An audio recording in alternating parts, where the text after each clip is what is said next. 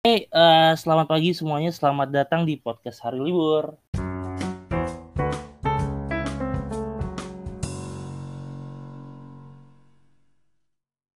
Yo, selamat datang kembali bersama kita di podcast Hari Libur. Cek suara dulu dong, cek suara. ya, Dengan siapa nih, uh, Bapak? seperti biasa. Saya Salmarkano. Salman Kano. Saya Seperti Ridwan, saya Ridwan Barkowi. saya, saya kira Ridwan Remin, Pak. Jangan Pak. Saya uh, pecinta ayam geprek bensu Pak. Waduh. Saya suka. Emang ada masalah apa mereka? Ah nggak ada, cuma Nggak ada ya? saya, saya cuma bilang saya suka ayam geprek aja. Oke. Oke. Oke, hari ini kita gimana nih? Oke, hari ini udah seminggu ya, kita bakal bahas isu-isu lagi nih. Ada banyak ya seperti biasa Indonesia full of issues yang tidak habis-habis sehingga Tidak habis-habis karena Sampai tidak ada kapan? solusi. Ya, betul. Banyak banyak yang nggak ada tapi ada yang ada juga. Ada, ada juga Ada, dong. ada dong. Walaupun lama. Iya, iya. Oke, kemarin kita saking banyaknya isu sampai dua jam ya. Nah, ini kita mungkin Betul, Pak. buat pendengar kita bakal recap dulu nih apa aja sih yang bakal kita sampaikan ya. Mm-mm. Oke, yang pertama kita akan membahas tentang Lord Coki Pardede, Pak. Joki Pardede, idolanya siapa nih? Idolanya Ya mungkin ada dari pendengar kita kan. mungkin idola ini Pak, Coki Sitohang mungkin ya. Coki Sitohang atau Coki Sitompul. Ruhut Pak, Ruhut Sitompul. Oh, iya. weh, Emang ada Coki Sitompul ya? Oh, enggak, maksud saya Anda hati-hati deh kalau menyebut nama, jangan Oh, sampai iya, maaf. ke arah-arah sana. El Sitompul, El Ya, Sitompul. saya agak kaget saya. Maaf, maaf, maaf. Iya. El Sitompul. Coba saya ini koreksi ya.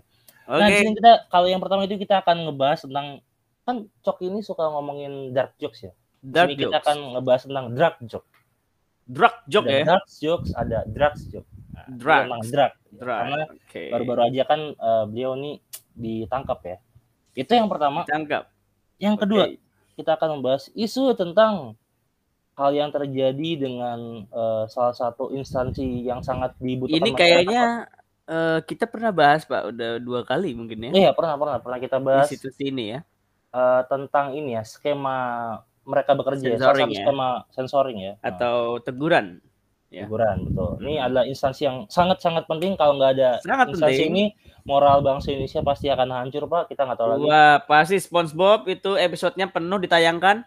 Penuh ditanyakan, Pak. Pasti Sandy terlihat tuh pakai bikini warna Pasti ungu, Pak. Sandy terlihat.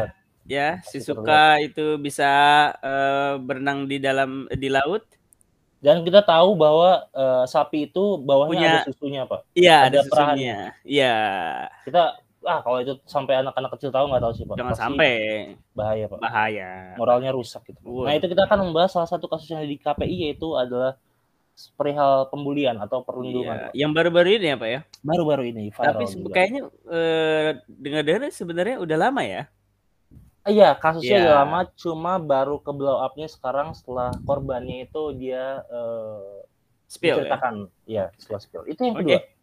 Yang ketiga kita akan kembali lagi ini Kita isu punya, yang sudah lama eh, yang Angling Dharma. habis-habis.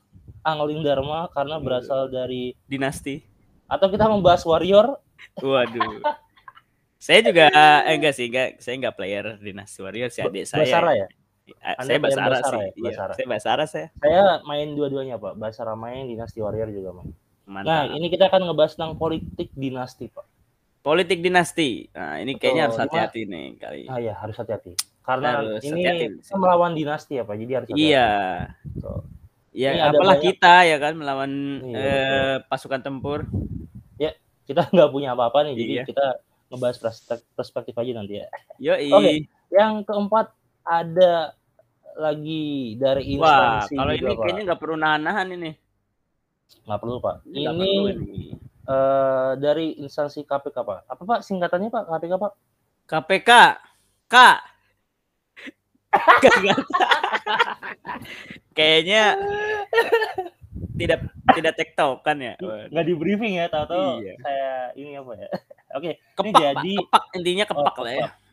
kepak eh, Kepak sayap. Aduh eh, ya KPK tuh kepak ya mungkin. Jadi ini Yoi. ada salah satu instansi yang mengurusi tentang ini Pak, korupsi. Korupsi, Tuh, rasuah. Nah, eh, ya lembaga rasuah. Nah, di sini salah satu wakilnya itu eh, ini apa ya? Apa terkena salah satu Covid apa ya? Apa? tentang bukan Bukan. Eh, ini Kira, terkena ya kan. etik ya soalnya dia sempat Oh, etik. kok, eh, ini ada hal dengan apa yang diduga Ada inilah ya eh, kasus Ya, lah gitu. ya. Nanti kita kasus bahas. gitu. Kayak ketua sebelumnya se- sebenarnya ada pelanggaran etik juga cuma iya kayaknya mah. nggak tahu ya. Kayaknya ya udah gitu. Awas hati-hati loh, Pak. Nanti ada helikopter datang di sini. Itu nggak eh Pak, tergantung Pak kalau dia pakai duit negara saya usir Pak. Waduh. Nggak boleh Pak. Oke. Saya kira Anda mau minta duit, Pak. Kayak zaman dulu banget ya kalau Iya. ada helikopter atau pesawat kita anak kecil minta duit ya. Oke. Eh, yang kelima Pak. Yang kelima, Kelima ini tentang eh, Aplikasi. aplikasi yang sekarang sering dipakai. sering Kalau kita mau ke mall, kita pakai aplikasi ini. Kalau kita mau keluar-keluar, pokoknya kita pakai aplikasi ini. harus ya. Harus. Hmm. Ini punya pemerintah, Pak. Society apa nih? 4.0 Society 4.0. yang gagal ya kira-kira. Oh, oh, O-nya tuh oh, oh, gitu. Oh. 4.0. Kenapa nih? Salah satu aplikasi peduli namanya Peduli Lindungi, Pak. Jadi Peduli. diduga ada kebocoran data dan sudah di apa ya? eh dikonfirmasi, tapi nanti akan kita bahas. Pokoknya itu tentang kebocoran Siap. data. Siap. Betul. Terus ter- terkait juga tentang kebocoran data ini kan peduli Lindungi Kebocoran? adalah aplikasi eh, ya mostly tentang vaksin, surat vaksin segala macam ya. Mm-mm. Nah ini juga di sini akan ngebahas eh, poin tentang sertifikat vaksin Pak Jokowi yang beredar di medsos. Nah, Ya. apakah itu wajar? Apakah itu harusnya di keep supaya tidak keluar? Nanti kita bahas.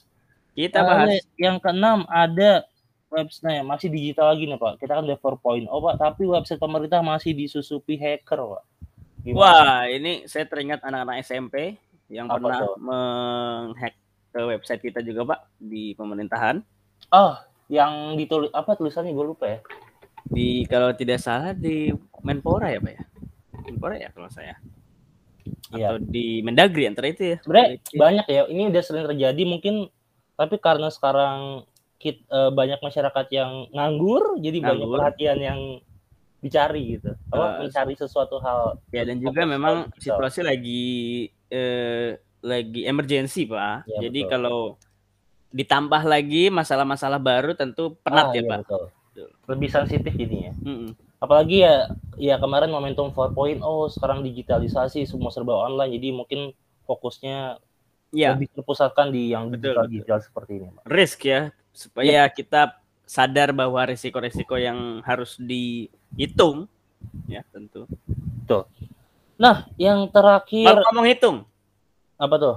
nah ini kita bisa bahas sesuatu yang bisa kita kalkulasi yaitu adalah ekonomi, Pak. Wah, ya ini terakhir kita berusaha tetap eh, menyajikan headline ekonomi ya. Ada Berita ekonomi, betul. Ada apa Pak? walaupun sepertinya di podcast kita headline-nya bukan ekonomi, Pak, kemarin-kemarin. Iya betul. Karena kita menyelipin aja nih karena kurang populer Iya. ya, Pak ya. Nah, ini Betul. kita ada berita di sini da- dari eh, ini, Pak. Eh, Badan Pangan Nasional atau BPN. Hmm, iya ya. BPN ini eh, yang eh, digadang-gadang akan dibentuk dan juga ada eh, atau memakan eh, ini Pak atensi masyarakat bahwa jangan sampai ini diketuai oleh partai politik dan lain-lain. Iya, Jadi jangan betul. sampai jadi alat politik. Ya. Gitu. Nanti kita bahas deh ya. Karena ya nanti kita bahas. Oke. Oke, Langsung kita mulai podcast kita ini. mulai aja supaya tidak eh, seperti minggu lalu, Pak. dua jam. Yoi. Tapi kalau misalnya kalian punya pendapat nih kebanyakan bisa Ya, soalnya aja kita kalau lagi ngobrol begini nggak ada yang ngasih tahu waktu, Pak. Betul. Iya. Nah, Jadi mungkin mulai aja. aja ya dari yang pertama nih. Yang paling fenomenal, Apa tuh? drug joke. Wah. Jadi sih, Ini mu- kenapa nih ada berita apa nih?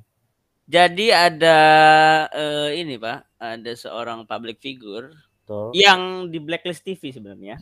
Sekarang Ya. sudah tidak di blacklist TV karena sudah Oke. diberitakan di TV, Pak. Wah. Akhirnya eh, Akhirnya akhirnya Lord Choki eh, diberitakan di TV, Pak. Walaupun diberitakan di TV. Mungkin tidak diinginkan kasusnya. Ya, tapi bisa jadi plot twistnya adalah ini adalah keinginan dia. Ah, supaya dia masuk TV. yang kita tahu ya Pak dulu tuh jadi kan eh, kalau di MLI ini sendiri ya jadi kan beliau ini ada salah satu talent di MLI ya Oke. itu ada namanya eh, acara yang judulnya pengen siaran pengen karena mereka itu eh, ya, masuk iya TV ini ya. pengen pengen siaran gitu pengen pengen Hmm. pengen siaran ini yang kedua ini ada lagi yang terbaru pengen masuk TV pak Oh, ini dia ya. bikin sketsa ya? di MLI ya ada sketsanya Hmm, oke. dan sekarang ternyata masuk TV beneran pak Masuk TV Gitu. berarti mungkin udah berhasil ya, Pak ya. berhasil ya, Nah, banyak memang- jalan banyak jalan menuju Roma Pak. Menuju Roma banyak. Ya, jadi bisa lewat bahkan ini gerilyawan nih kayaknya dia nih. bisa lewat BNN ya kan bisa Iya, lewat bisa, bisa. Ya, Baris jadi, Krim. Jadi bisa eh, bebas lah ya. Ya, Bisa jadi lewat mana aja lah ini kira-kira. Beritanya adalah komika Coki Pardede ditangkap pada Rabu 1 September 2021 pukul 10 malam di kediamannya di kawasan Cisauk, Tangerang. Dari tangan Coki, petugas kepolisian mengamankan barang bukti narkotika jenis sabu seberat 0,5 gram beserta alat suntiknya. Barang bukti tersebut dipastikan oleh Kasat Narkoba Polres Tangerang Kota AKBP Pratono Widodo. Ya. Jadi eh tangkap tangan berarti, Pak ya? Ya. Jatuhnya di sini ya. Kena OTT. OTT. Nah, tapi di sini eh, Coki itu eh, terdapat memang membawa sekitar 0,5 gram ya, Pak ya? Ya. Walaupun memang kalau dari volume, dari besaran mungkin Sedikit ya, cukup sedikit ya. terlalu mem- apa ya menggemparkan, tapi tentu ini eh, adalah hal yang memang harus dibenahi, Pak. Karena Kalau- public figure terkenal ya, Kak. mungkin ini sih Pak, coba kita bahas deh. Kalau menurut Bapak kenapa sih public figure tuh eh ya s- selain mereka emang selalu disorot selalu disorot ya setiap Ya. aktivitasnya, apalagi yang ada yang menyimpang kayak gini. Mm. Kenapa sih kayak mereka tuh banyak yang mengkonsumsi narkoba? Kalau saya eh, ini Pak, saya bisa mengutip kata Rispo Pak. Kalau Bapak tahu ya komika juga. Ya. Jadi Rispo tuh pernah mengatakan bahwa dia itu sampai saking dia kaya ya, jadi dia bingung Pak uang untuk apa. gitu. Dan juga dia Hmm. masih muda juga kan, jadi dia nggak berpikir investasi dan lain-lain. Apalagi dia membagikan eh, harta kepada orang lain ya, tentunya. Jadi eh, hal tersebut yang membawa dia atau ataupun eh, pemikirannya tergoda oleh orang lain itu bisa juga. Jadi Oh iya iya iya. jadi kalau ini Pak kalau misalnya eh, strategi yang digunakan biasanya memang adalah coba-coba gitu dan lain-lain. Jadi dia diberikan percobaan dan lain-lain tapi karena memang sudah coba-coba lama-lama dia juga kan ada eh, unsur apa Pak? ketergantungan. Adiksi, adiksi, adiksi. ketergantungan. Iya ya. Jadi ya Inilah yang eh, terjadi kan. hmm, Rupa-rupanya Wah. Rupa-rupanya nih orang bukan hanya nyabu ya, Pak ya? iya Pak. Jadi Tapi ada hal dari lain ya. betul dari apa kalau misalnya Bapak lihat di ini ya di video penangkapan ya. Mm-mm. Jadi polisinya tuh eh, ada kalimat bahwa eh, yang menyatakan Lord Coki ini nonton video botol kecap cowok pak. Jadi kayak Waduh. apa kalau jatuhnya cowok tuh apa hom hom- homoseksual ya? Iya. Gay. Iya, itulah Oke, pokoknya. mungkin ya. Nah, ini Nah, memang terus- masih mungkin belum belum terlalu ini apa belum karena memang kasusnya masih berjalan ya, Pak. Masih berjalan. Tapi Jalan. dari keterangan tuh ada di salah satu eh, berita ya pak. eh, polisi itu dari kalimatnya tuh menyatakan bahwa Coki ini ada kelainan seksual gitu pak. Kelainan seksual. Ya, jadi mungkin nanti eh, itu bukan kalimatnya langsung cok ya, mungkin nanti bakal ada. Biasanya kan kalau narkoba gini artis ada conference-nya, Pak. Ya. Jadi ada Hmm. polisi gagah di belakang ya kan, terus dia Yoi. dibantu menyatakan biasanya minta maaf Biasanya biasanya gitu. kalau cewek pakai hijab langsung kan? Kalau atau pakai atau pakai topi besar pakai yang Iya. kemarin, Pak. Yang ya kalau sekarang kan, karena masker masker ya, Pak. Karena masker mungkin bisa. Iya, sekarang enak Pak pakai masker. Jadi Masker. walaupun ini bisa ketutupan Iya. tuh, Pak. Jadi Nah, itu- mungkin kalau yang press conference ya orang lain juga bisa aja kan. Pakai masker. Bisa. Itu oh, coba buka harusnya buka maskernya dulu, Pak. Stan ya, siapa stan. nih? Iya, pengganti jatuhnya. Harusnya dibuka dulu tuh. Nah, tapi ya eh, apa nih, nih, Pak? kalau menurut gua ya eh ya itu kan yang dari Rispo kayak gitu ya. Kalau ada lagi Pak. Ternyata Silakan. komika komika juga nih, Pak. Dia sebelumnya pernah ketangkep juga. Wah, namanya ini McDonald, McDonald ya. McDonald. Eh. Nah, McDanny, Ini- sorry, sorry, sorry. McDanny Iya. Pak. sorry, sorry, sorry. weh, mungkin dia ini, Pak, eh, cucu jauhnya McDonald mungkin ya. Kita Jadi kan nggak tahu. nggak Nah, tahu. Kalau dia juga penyintas juga, Pak. Eh, kalau Covid. dari dia, iya, bukan. Mungkin Bukan. iya juga, mungkin, iya juga, tapi iya. juga dia penyintas narkoba. Jadi kata dia itu dulu emang biasanya uh, yang dia tahu ya artis yang sekarang itu terjerat emang sebelumnya tuh udah mengkonsumsi pak. Iya, itu keterangannya ya. Jadi memang iya. Uh, apa memang tepat ya berarti ya? Ya, which is ya nggak nggak ya nggak ada salahnya juga mau gak dia baru mau ini nggak emang nggak ada masalah. Cuma mungkin kalau misalnya kita bisa tahu datanya lebih banyak yang mana apakah dia setelah ini menarik pak apakah artis itu setelah dia wealth punya uang dia akan mengkonsumsi narkoba atau lebih banyak yang sebelumnya emang udah konsumsi tapi skalanya kecil atau dengan barang yang murah pak? Dengan okay. sensasi yang lebih rendah mungkin ya katanya kan kayak gitu. Ini menarik ya. pak kalau misalnya ada datanya. Menarik menarik ada ini. kemungkinan bapak bikin riset ini nggak pak? Ada pak. Ada pasti karena ini tentang crime ya. Ini juga nah, menarik. Kan bapak skripsinya tentang drugsnya nggak masuk ya? Masih deskripsi saya memang drugs masih mungkin uh, ini kan ini ya mungkin kita bisa kasih saran ya. ke teman-teman yang mau skripsi ya Mungkin. Atau uh, kita kasih saran ke ini Pak, ke pengumpul datanya Pak, mungkin kepada oh, BPS data. bisa menanyakan hal. Tapi ya, lucu sih Pak, misalnya, misalnya, ya. misalnya BPS nah, uh, ada survei tentang narkoba ya Pak. Apakah Boleh Bapak, kan pertama gini, dia bener loh, nama Bapak uh, hubungan dengan kepala keluarga, terus dia nanya lagi, apakah Bapak bekerja sa uh, minimal satu jam dalam seminggu terakhir, terus yang kedua tiba-tiba, apakah Bapak mengkonsumsi narkoba dalam seminggu terakhir? Aduh, mungkin nggak gitu Pak. Mungkin BNN udah di belakang Anda mengkonsumsi BNN udah di belakang pintu tuh. Mungkin ini Pak, mungkin apa, apakah apa? Anda mengkonsumsi obat di luar resep dokter? Mungkin itu ah, dulu biasanya oh, gitu kan. Ini Pak harus uh, dipancing-pancing ya Pak, nggak boleh iya langsung ya. dong, ya. Nggak boleh langsung. Nanti sama seperti sama seperti Lord Coki yang kabarnya itu terpancing dulu Pak. Terpancing jadi, juga. Oh, ini satu, silakan. Silakan diceritakan. Iya, uh, jadi netizen ini uh, kembali tayang nih Pak, uh, kembali naik nih video ketika Coki itu Coki sama Tritan Muslim ya dia mewawancarai salah dua uh, polwan atau siapa mereka itu uh, di mereka itu berbicara tentang drugs atau narkoba. Jadi uh, yang perempuan satunya menggunakan hijab tuh man, uh, mancing kayak gini pak. Jadi misalnya uh, kan Cokowi nanya apa uh, kasus unik Kesan, atau ya? hal-hal ya? nyeleneh yang pernah ditemui. Terus kata hmm. uh, ibunya itu, iya saya pernah nemu orang yang ngumpetin salah satu penyadar ngumpetin uh, barang terlarang tuh di celana dalam gitu kan. Iya, iya, iya. Terus uh, singkat cerita dia ngomong-ngomong, "Iya kenapa di situ padahal kan ini ya." Terus Pak padahal kan uh, panas gitu. Kalau eh, kena padahal bla bla bla gitu. Terus uh, kata iya kata polanya, "Iya padahal kan panas kalau kena ini." Dia sambil uh, mancing. Kayak mancing ngelus-ngelus gitu kalau kena ini dia nggak nerusin terus uh, cokinya bilang kulit. Nah, terus dia bilang satunya, "Kok tahu gitu?" Nah, itu salah satu apa pancingannya kayak gitu sih. Itu kalau dia harusnya lebih berguru ke ini Pak, uh, Gubernur Sulawesi North Pak. Eh Sulawesi, saya Sumatera Pak. Jadi kalau misalnya Anda ditanya begitu, harusnya Anda jawabnya gini, apa urusan Anda menanyakan hal ah. tersebut? Gitu harusnya. Lord Lord Eddie ya, Lord Eddie. Nah, Eddie. Apa urusan Anda? Waduh. Langsung ditangkap juga di situ. atau atau uh, ya nggak tahu kenapa tanya saya gitu ya. Ya, aduh. saya Salmarkano.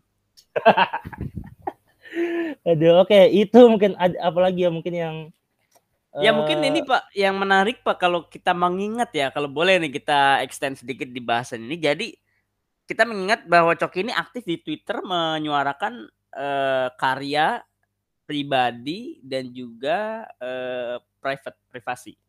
Jadi ketiga hal tersebut menurut Coki harus dibedakan gitu. Jadi kalau misalnya masalah pribadi jangan dibawa ke karya gitu. Jadi kalau Anda misalnya me, apa memfavoritkan seseorang atas karyanya ya misalnya pribadinya tidak baik nggak usah di nggak usah berpengaruh kepada karyanya itu yang disuarakan Coki. Dan ternyata memang terbukti bahwa dia dia ya, ternyata ya. Uh, Mungkin, takut juga gitu kan.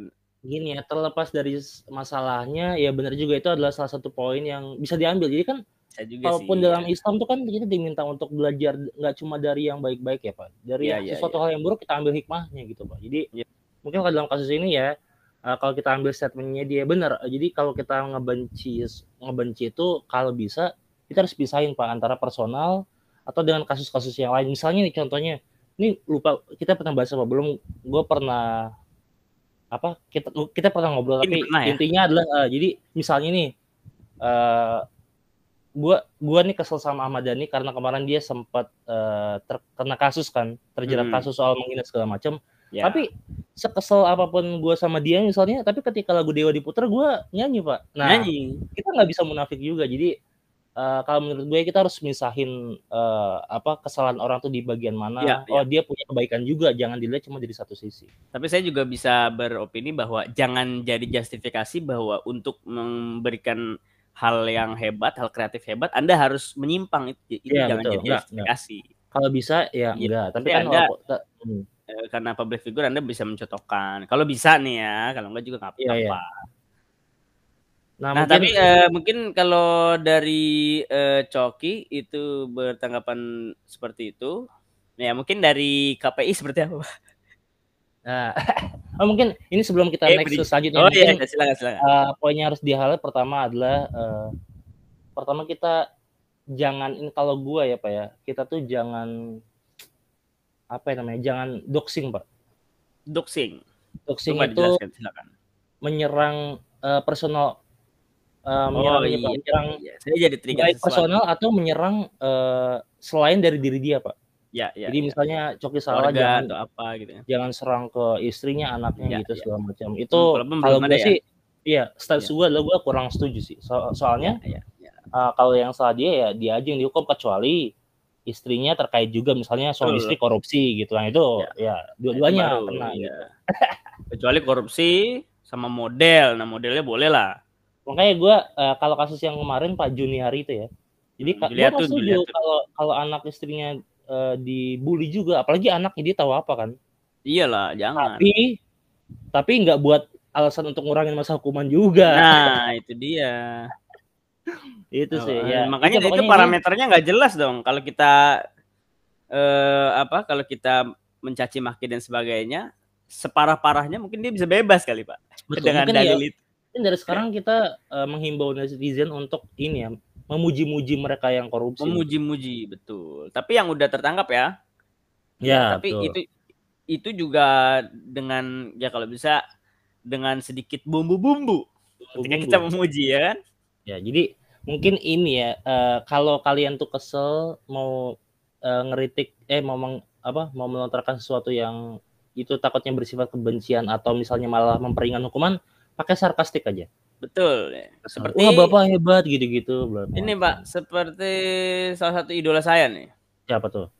Abdur Arsyad, Pak. Jadi Abdur dia Arsyad. itu Komika juga ya? Bisa komika, dia itu membuat konten di YouTube bah itu terkait dengan eh, apa? solusi dan juga saran, kritik dan lain-lain. Tapi dengan dibalut dengan sangat kreatif. Ya mungkin teman-teman Eh, bisa iya, langsung iya. aja mungkin ya ke YouTube-nya beliau.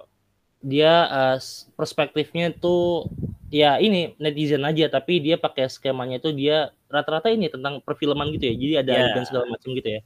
Kayak itu Saya bisa ditonton sih. juga tuh.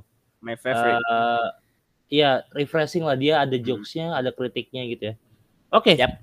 ngomong-ngomong soal kritik kita akan membahas salah satu lembaga yang biasanya sering dikritik oleh masyarakat oh, bagus bagus. Bagus. tapi mensensor juga Iya. Mensensor kritikan masyarakat mungkin ya nah Waduh. ini adalah Ah, ya. adalah KPI atau Komisi eh, Penyiaran Indonesia yang mana kita Oke. pernah bahas ya di sini kasusnya adalah beras- dari Tirta nih Pak eh, em- ada kasus pembulian jadi isinya gini MS merupakan pegawai Komisi Penyiaran Indonesia atau KPI Pusat dan menjadi korban perundungan para senior tempatnya bekerja sejak 2011 Pak Wah. dia mengadu kata dia mengadu ke atasan tapi solusinya itu dipindahkan ke ruang lain. Tapi pelaku tidak pelaku terduga tidak mendapatkan sanksi apa pun. Setelah itu MS melapor ke Komnas HAM kemudian dia disarankan untuk lapor ke polisi. Sebab Komnas HAM menilai ini adalah tindak pidana. MS pernah mengadu dua kali ke Polsek Metro Gambir 9 2019 dan 2020 tapi eh, polisi meminta untuk menyelesaikan secara internal gitu. Jadi diminta balik lagi pak ke kantornya. Nggak di mungkin Jadi udah ya. ditulis tapi nggak ditindaklanjuti mungkin Iya. ya Ini dari 2011 berarti dari zaman Barcelona masih ada Iniesta Xavi, Pak. Sampai sekarang di 2021 zamannya Lord Brathwaite. Waduh, jomplang banget itu saking Iya. lamanya sampai segitunya Iya, iya. ya. Ini kalau saya eh, boleh be- bertanya, mungkin ini cukup lama seperti ini, kok bisa ya, bisa apa, bisa nggak ketahuan gitu? Bagaimana cara menyembunyikannya atau mungkin orangnya memang tidak peduli dan lain-lain sih Pak. Kalau nggak pedulinya pun kebangetan banget sih karena udah lama banget ya. Iya makanya eh, sebagai salah satu instansi yang dalam tanda kutip jadi polisi moral ya Ya. Ini eh kalau diibaratkan bumerang ya Pak ya, dia itu ngelemparnya eh, gayanya itu cuma 10 Newton, yang balik itu 100 Newton Pak. Soalnya apa? Eh, lembaga yang apa jadi polisi moral ini sekali melakukan kesalahan moral pasti diserangnya jauh lebih berat Pak. Iya iya iya iya. Ya. Ah ini yang saya curiga nih. Ini orang yang dibully nih. Ini bagian apa ya? yang saya cari, saya pengen cari tahu ya. Menarik ya kalau apakah dia orang yang bagian menyensor? Yang membuli atau yang ya? dibully Pak? eh yang dibully atau sebaliknya sih bisa jadi sih. Tapi ya eh, terlepas dari mungkin tugasnya, ya ini adalah salah satu tindakan yang tidak bermoral lah, apalagi dilakukan sudah lama sekali ya pak ya. Ya jadi eh, jadi wondering ya, kan emang nggak tahu ya banyak banget nih kan kasus bullying di Indonesia ya. Nah terutama eh, apa cara mengatasinya ini kayaknya jadi masih sesuatu, sesuatu yang apa ya belum common sih pak. Tabu Kayak masih masih sulit ya. iya masih tabu kayak misalnya ah itu kayaknya bercanda doang atau gimana gitu Hmm. sih. Mungkin kalau dari bapak gimana nih Pak, eh, pendapatnya? Kalau saya eh, memang eh, saya cukup ini ya pak, cukup prihatin ya pak. Waduh, ini ngomong udah kayak pejabat aja. Intinya kalau ini harus benar-benar dibenahi gitu ya, dan juga harus membuat sistem eh, apa pengawasan ya, pengawasan, tindak lanjut dan lain-lain. Dan yang saya eh, garis bawahi di sini justru ketika melaporkan ke polisi lalu dibalikan ke ranah eh, ranah perusahaannya lagi gitu Jus- justru bukannya dibantu dan lain nah ini yang cukup apa ya mengagetkan sih bagi saya gitu kan nah selanjutnya kalau kalau saya boleh berpendapat mungkin dari korbannya memang harus melihat ada berbagai alternatif ya jadi misalnya di- ia juga bisa melapor atau ju- ia juga bisa mungkin eh, pindah ke bagian lain di, di suatu tempat kerja tersebut Iya, misalnya minta dirot minta dirotasi dan lain atau bahkan dia bisa keluar gitu kan. Karena sesuatu hal yang memang eh, lingkungan yang nggak bagus untuk kita, untuk kita berkembang, itu nggak bagus, Pak. Maksudnya untuk untuk karir kita ya kurang baik ya nggak? Iya ya sih betul seperti betul. itu. Tapi Jadi ya mengingat pilih mengingat dia dari 2011 sampai sekarang, gua rasa sih pertama ya gue punya dua kemungkinan. Pertama, kita kan kalau dia kerja di situ kan berarti dia biasanya kan kalau kita kerja ya, kita nggak cuma nyari income ya, tapi Ya. ada goals yang ingin kita tuju kan. Oh ya. Mungkin pertama itu dia punya goals yang cuma bisa diraih di KPI doang, Pak. Kayak misalnya Oke, ya bener, dia beneran mau Moral, jadi menjaga moral. iya menjadi beneran yang apa ya memperbaiki moral Ya, segala macam atau ada passionnya dia mungkin ya. Gitu. Ah betul atau itu ya itu just passionnya dia aja tapi dia harus di situ pak. Itu yang kedua eh dia adalah eh, risk averse pak. Lisa first. Ya, atau atau nggak nggak harus risk averse ya atau mungkin dia eh punya pemikiran bahwa ya kalau setelah keluar dari situ dia punya beberapa hal yang membuat dia bakal susah lagi untuk cari pekerjaan baru mungkin ya. Oke. Itu sih jadi menurut gue dua kemungkinan itu yang ngebuat dia Ya, ya nggak ya, ambil oke. alternatif itu sih. Tapi kalau saya sih pas secara pribadi, personal ya, kalau boleh saya ber, ber- ber- memberikan pendapat ke orang lain, mungkin ada orang yang berpendapat harusnya yang membuli lah yang eh, pindah kerja dan lain kan harusnya dia yang di yang menjadi objek dari dari solusi itu.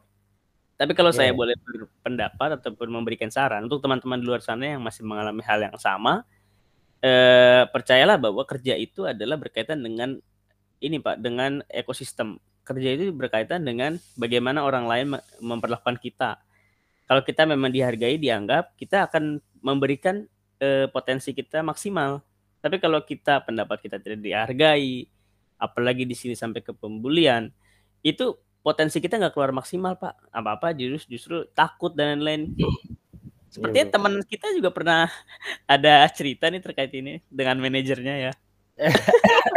Jadi eh kalau orang bilang eh, apa di requirement atau di interview itu kerja dalam tekanan dalam tekanan ya that kind of uh, pressure yang kita nggak mau ya bukan tekanan yang itu iya, maksudnya. bukan tekanan yang Biasanya tekanannya dimaksud adalah workload atau Worknya. eh, misalnya hal tight, yang tight, tight deadline tight misalnya gitu deadline kan. atau hal yang a bit challenging yang belum pernah Iya. kita lakuin gitu ya. Betul. Tapi bukan eh, tantangan yang bersifat kontak fisik dan lain-lain ya bukan dong. Apalagi perundungan Betul, dan lain-lain kan. betul.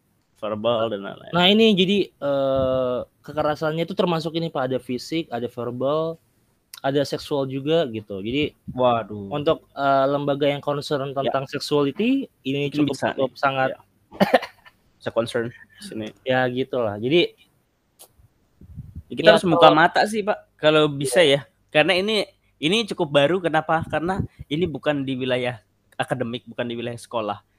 Kadang-kadang hmm, orang menutup mata di wilayah kerja juga ada.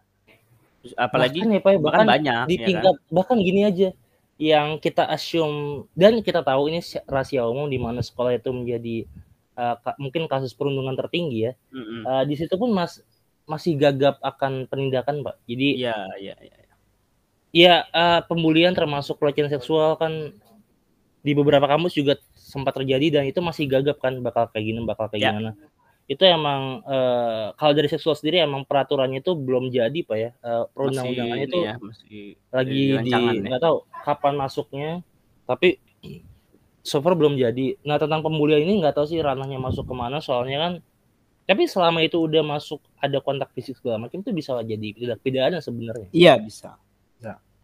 ya harusnya bisa diproses tapi somehow kenapa yang setelah dilapor ini eh, nggak ditindak walaupun ya walaupun kita tetap harus melihat nanti kelanjutannya apakah ini dia Yep. tell the truth semuanya soalnya kita juga belum lihat klarifikasi dari eh, polsek yang bersangkutan dan juga belum eh, tahu klarifikasi dari pihak yang terduga gitu tapi ada Betul. kabar terbaru nggak pak sejauh ini Ya, jadi eh, sebelum kita sampaikan kabar terbaru, satu hal yang perlu kita catat ini adalah lembaga negara ya, Pak ya. Eh, lembaga negara yang Iya ya yang harusnya transparan, akuntabel dan juga profesional ya dalam penyaji Profesional. dalam dalam apa delivery dalam eh, penyajiannya ke masyarakat.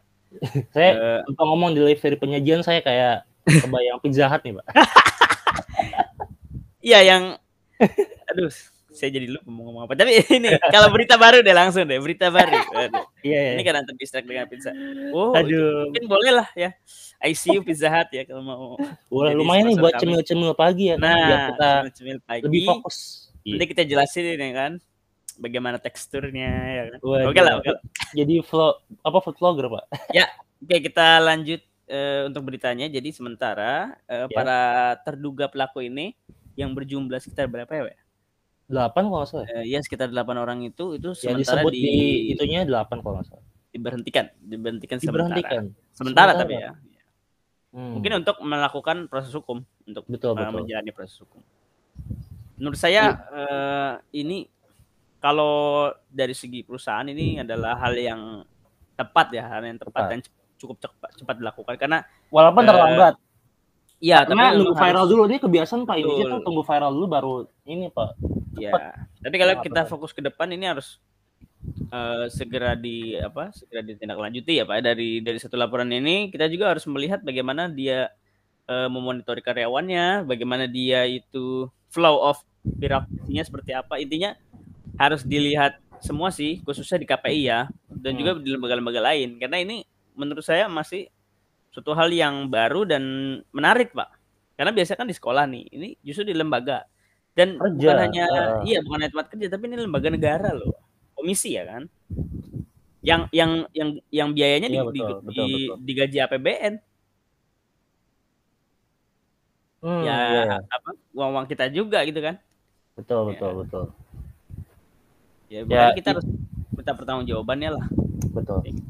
Ya, eh, tapi ya mungkin ini ya terkait hal ini mungkin juga selain tersangka tadi mungkin harus dievaluasi sistemnya atau mungkin ya kalau lebih masif lagi, lebih struktural lagi mungkin dibuat apa ya peraturan turunan atau apa gitu tentang perbulian kayak belum ada pak ya atau harusnya gimana sih?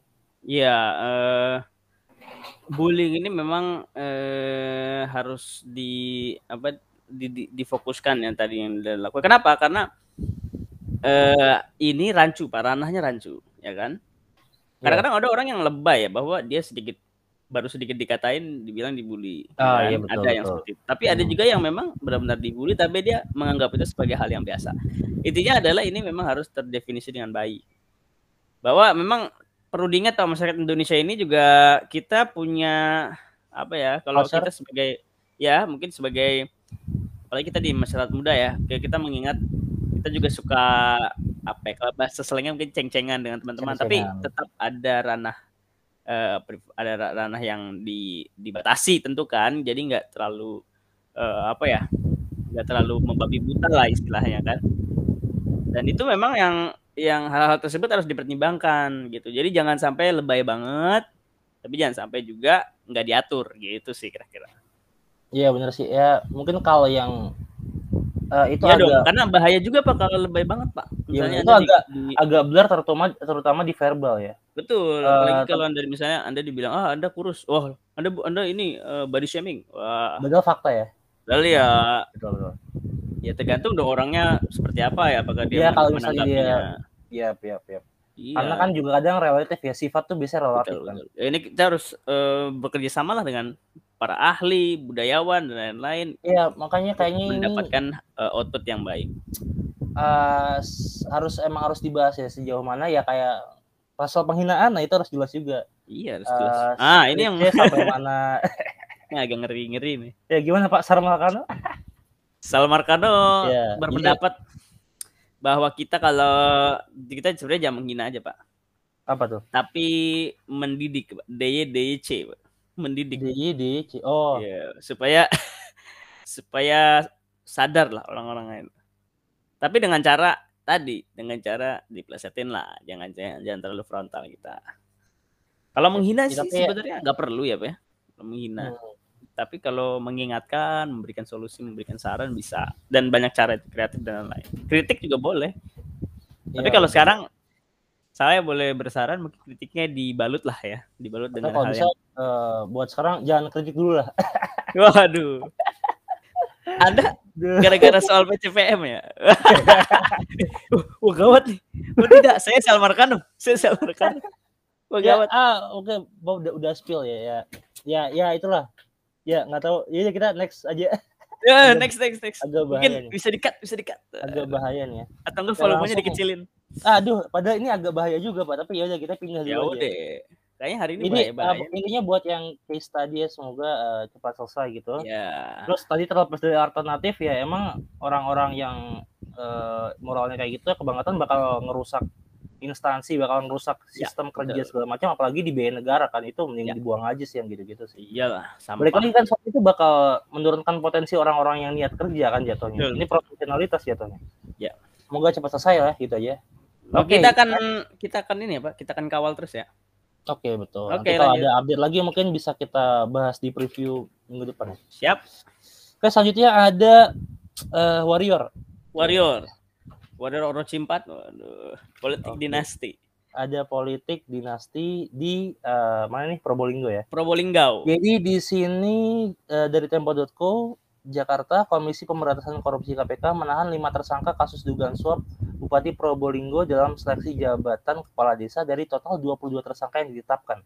Lima tersangka tersebut ditahan selama 20 hari pertama terhitung sejak 31 Agustus 2021 sampai dengan September tanggal 19 2021. Nah, jadi Ya. ini Pak, suap-suap gini Pak, emang enak nih Suap. disuapin ya. Kan swab test tapi Dulu terakhir ya. Beda kalau swab test kan Beda ya. kewajiban kalau yang ini adalah suap ya kewajiban mungkin kewajiban dari aduh saya nggak berani lanjut tuh pak Ya, eh saya, oke, saya saya ini deh, saya substitute deh. Eh, Ya. Jadi eh kita lihat dari segi ini aja, Pak. Eh mungkin dari period periodik ya. Sebenarnya ini agak menarik menarik, Pak. gimana tuh Menariknya kita lagi cukup heboh dengan 75 pegawai KPK ya yang di yang TWK kemarin itu ya. ya. Dan suddenly ada penangkapan. Wah, tapi enggak sih. Bahaya juga ya saya. yang Intinya ini- kemarin dia kan mungkin Intinya kalau KPK nih lagi heboh pak, lagi banyak kasus kan. Itu dari kemarin TWK Betul, juga betul. belum jelas. Ini wakilnya juga mana wakilnya? Oh Nanti, belum Pak, dibahas itu ya. nanti yang selanjutnya pak yang selanjutnya. Wakilnya juga nggak jelas juga. Tiba-tiba nih penangkapan. Tangkap. Waduh. Ya semoga sih tidak Ini terkait. kabar ataupun- kabar baik apa kabar gimana pak Ini Ya semoga sih tidak pengalian isu ataupun hal lain ya. Jadi Hmm. semoga memang emang sudah direncanakan dengan baik. Saya atau percaya emang sih. ya kerja ya. aja gitu emang emang ini ya tugasnya dan lain ya tapi ya kalau saya melihat di sini ini udah lama banget sih pak selalu ada ini udah modern pak udah zaman modern tapi kasusnya masih lama, masih masih kasus-kasus klasik. Klasik Kayak klise capek ya. banget loh. Ini kan kita udah dari eh, kalau nggak salah waktu itu ratu itu kan, Ratu Atut Atut, iya. ya kan? Nah, dari ratu jauh jauh sebelum itu, Pak. ada lagi? Orde Orde Baru? Oh iya tentu. Oh. Memang praktik-praktiknya memang praktik klasik nih. Kenapa? Iya, klasik. Kenapa klasik. sampai saat ini masih masih ada aja nemu nih kayak gini-gini? Ini mungkin yang, yang sebenarnya yang berubah bikin apanya? apa ya? Yang berubah pelakunya ya, karena kan Iya cuma ganti sejarah itu adalah pola yang terulang. aktor aja, ganti Iya, aktor aja. betul. Nanti subjek dan waktu aja sebenarnya. Menurut Bapak gimana nih soal hal ini? Ya kalau menurut saya sadar lah apa eh, bangsa Indonesia harus sadar harus saling bahu membahu dalam menangani kasus khususnya untuk politik ya. Karena memang lagi situasi lagi pandemi, situasi lagi emergency, situasi lagi pemulihan ya rebound ekonomi, kesehatan dan lain-lain lagi rebound. Jangan sampai terganggu dengan hal seperti ini, Pak. Gitu loh. Jadi eh apa ya? Harus sadar lah kita ini negara udah udah hurt by pandemic ya. Masa masih aja, masih aja seperti ini. Ini ini yang kayak gini-gini harus di benar-benar harus dibenahi nih. Sadar sadar diri gitu loh. Iya betul. Tapi mungkin kalau eh ya sadar kan dari pelaku biasanya, dari pelaku Iya. dan orang sekitar. Kalau misalnya masyarakat sendiri kan nggak bisa apa-apa sebenarnya, Pak. Iya, Atau mungkin iya. nggak tahu bahkan ya karena kan ini Menarik juga nih harus- Pak, kalau Bapak mengingatkan saya dengan masyarakat nih. hmm, Jadi kalau tadi Bapak menyinggung soal masyarakat, justru ada masyarakat yang mendukung juga nih politik Apa dinasti. oh, siapa iya tuh? dong, karena ya karena kan politik dinasti itu udah ini Pak, jadi kayak udah deket gitu kan. Patron Atau klien kan dia mainnya. Atau biasanya ada statement gini, eh, rakyat mendukung politik dinasti. Eh, rakyat yang mana dulu ya kan? Iya, maksud maksud saya bukan mendukung, Pelaku tapi juga pelaku juga rakyat ya kan? aduh. Tapi maksud saya begini Pak, karena eh, karena saking apa ya, saking eh, dia itu dekat apa sudah lama, jadi sudah dikenal dan lain-lain. Jadi ya susah move on itu yang pertama dong, ya Iya. kan? Yang pertama, jadi ada dampak itu. Yang kedua juga eh, masyarakat sudah bisa melihat kerjaannya dia. Ya tentulah karena dia sudah lama di situ, ya kan? Nah, Iya. tapi lagi-lagi bahwa ada dampak negatif dari dinasti. Walaupun memang kelihatan pekerjaannya kelihatan nih, ya, ya kan? Karena kan dia memiliki banyak waktu untuk melakukan eh, apa namanya? Eh, kampanye politik ya. Karena kan dinasti nih. Dia ingin terpilih terus kan? betul.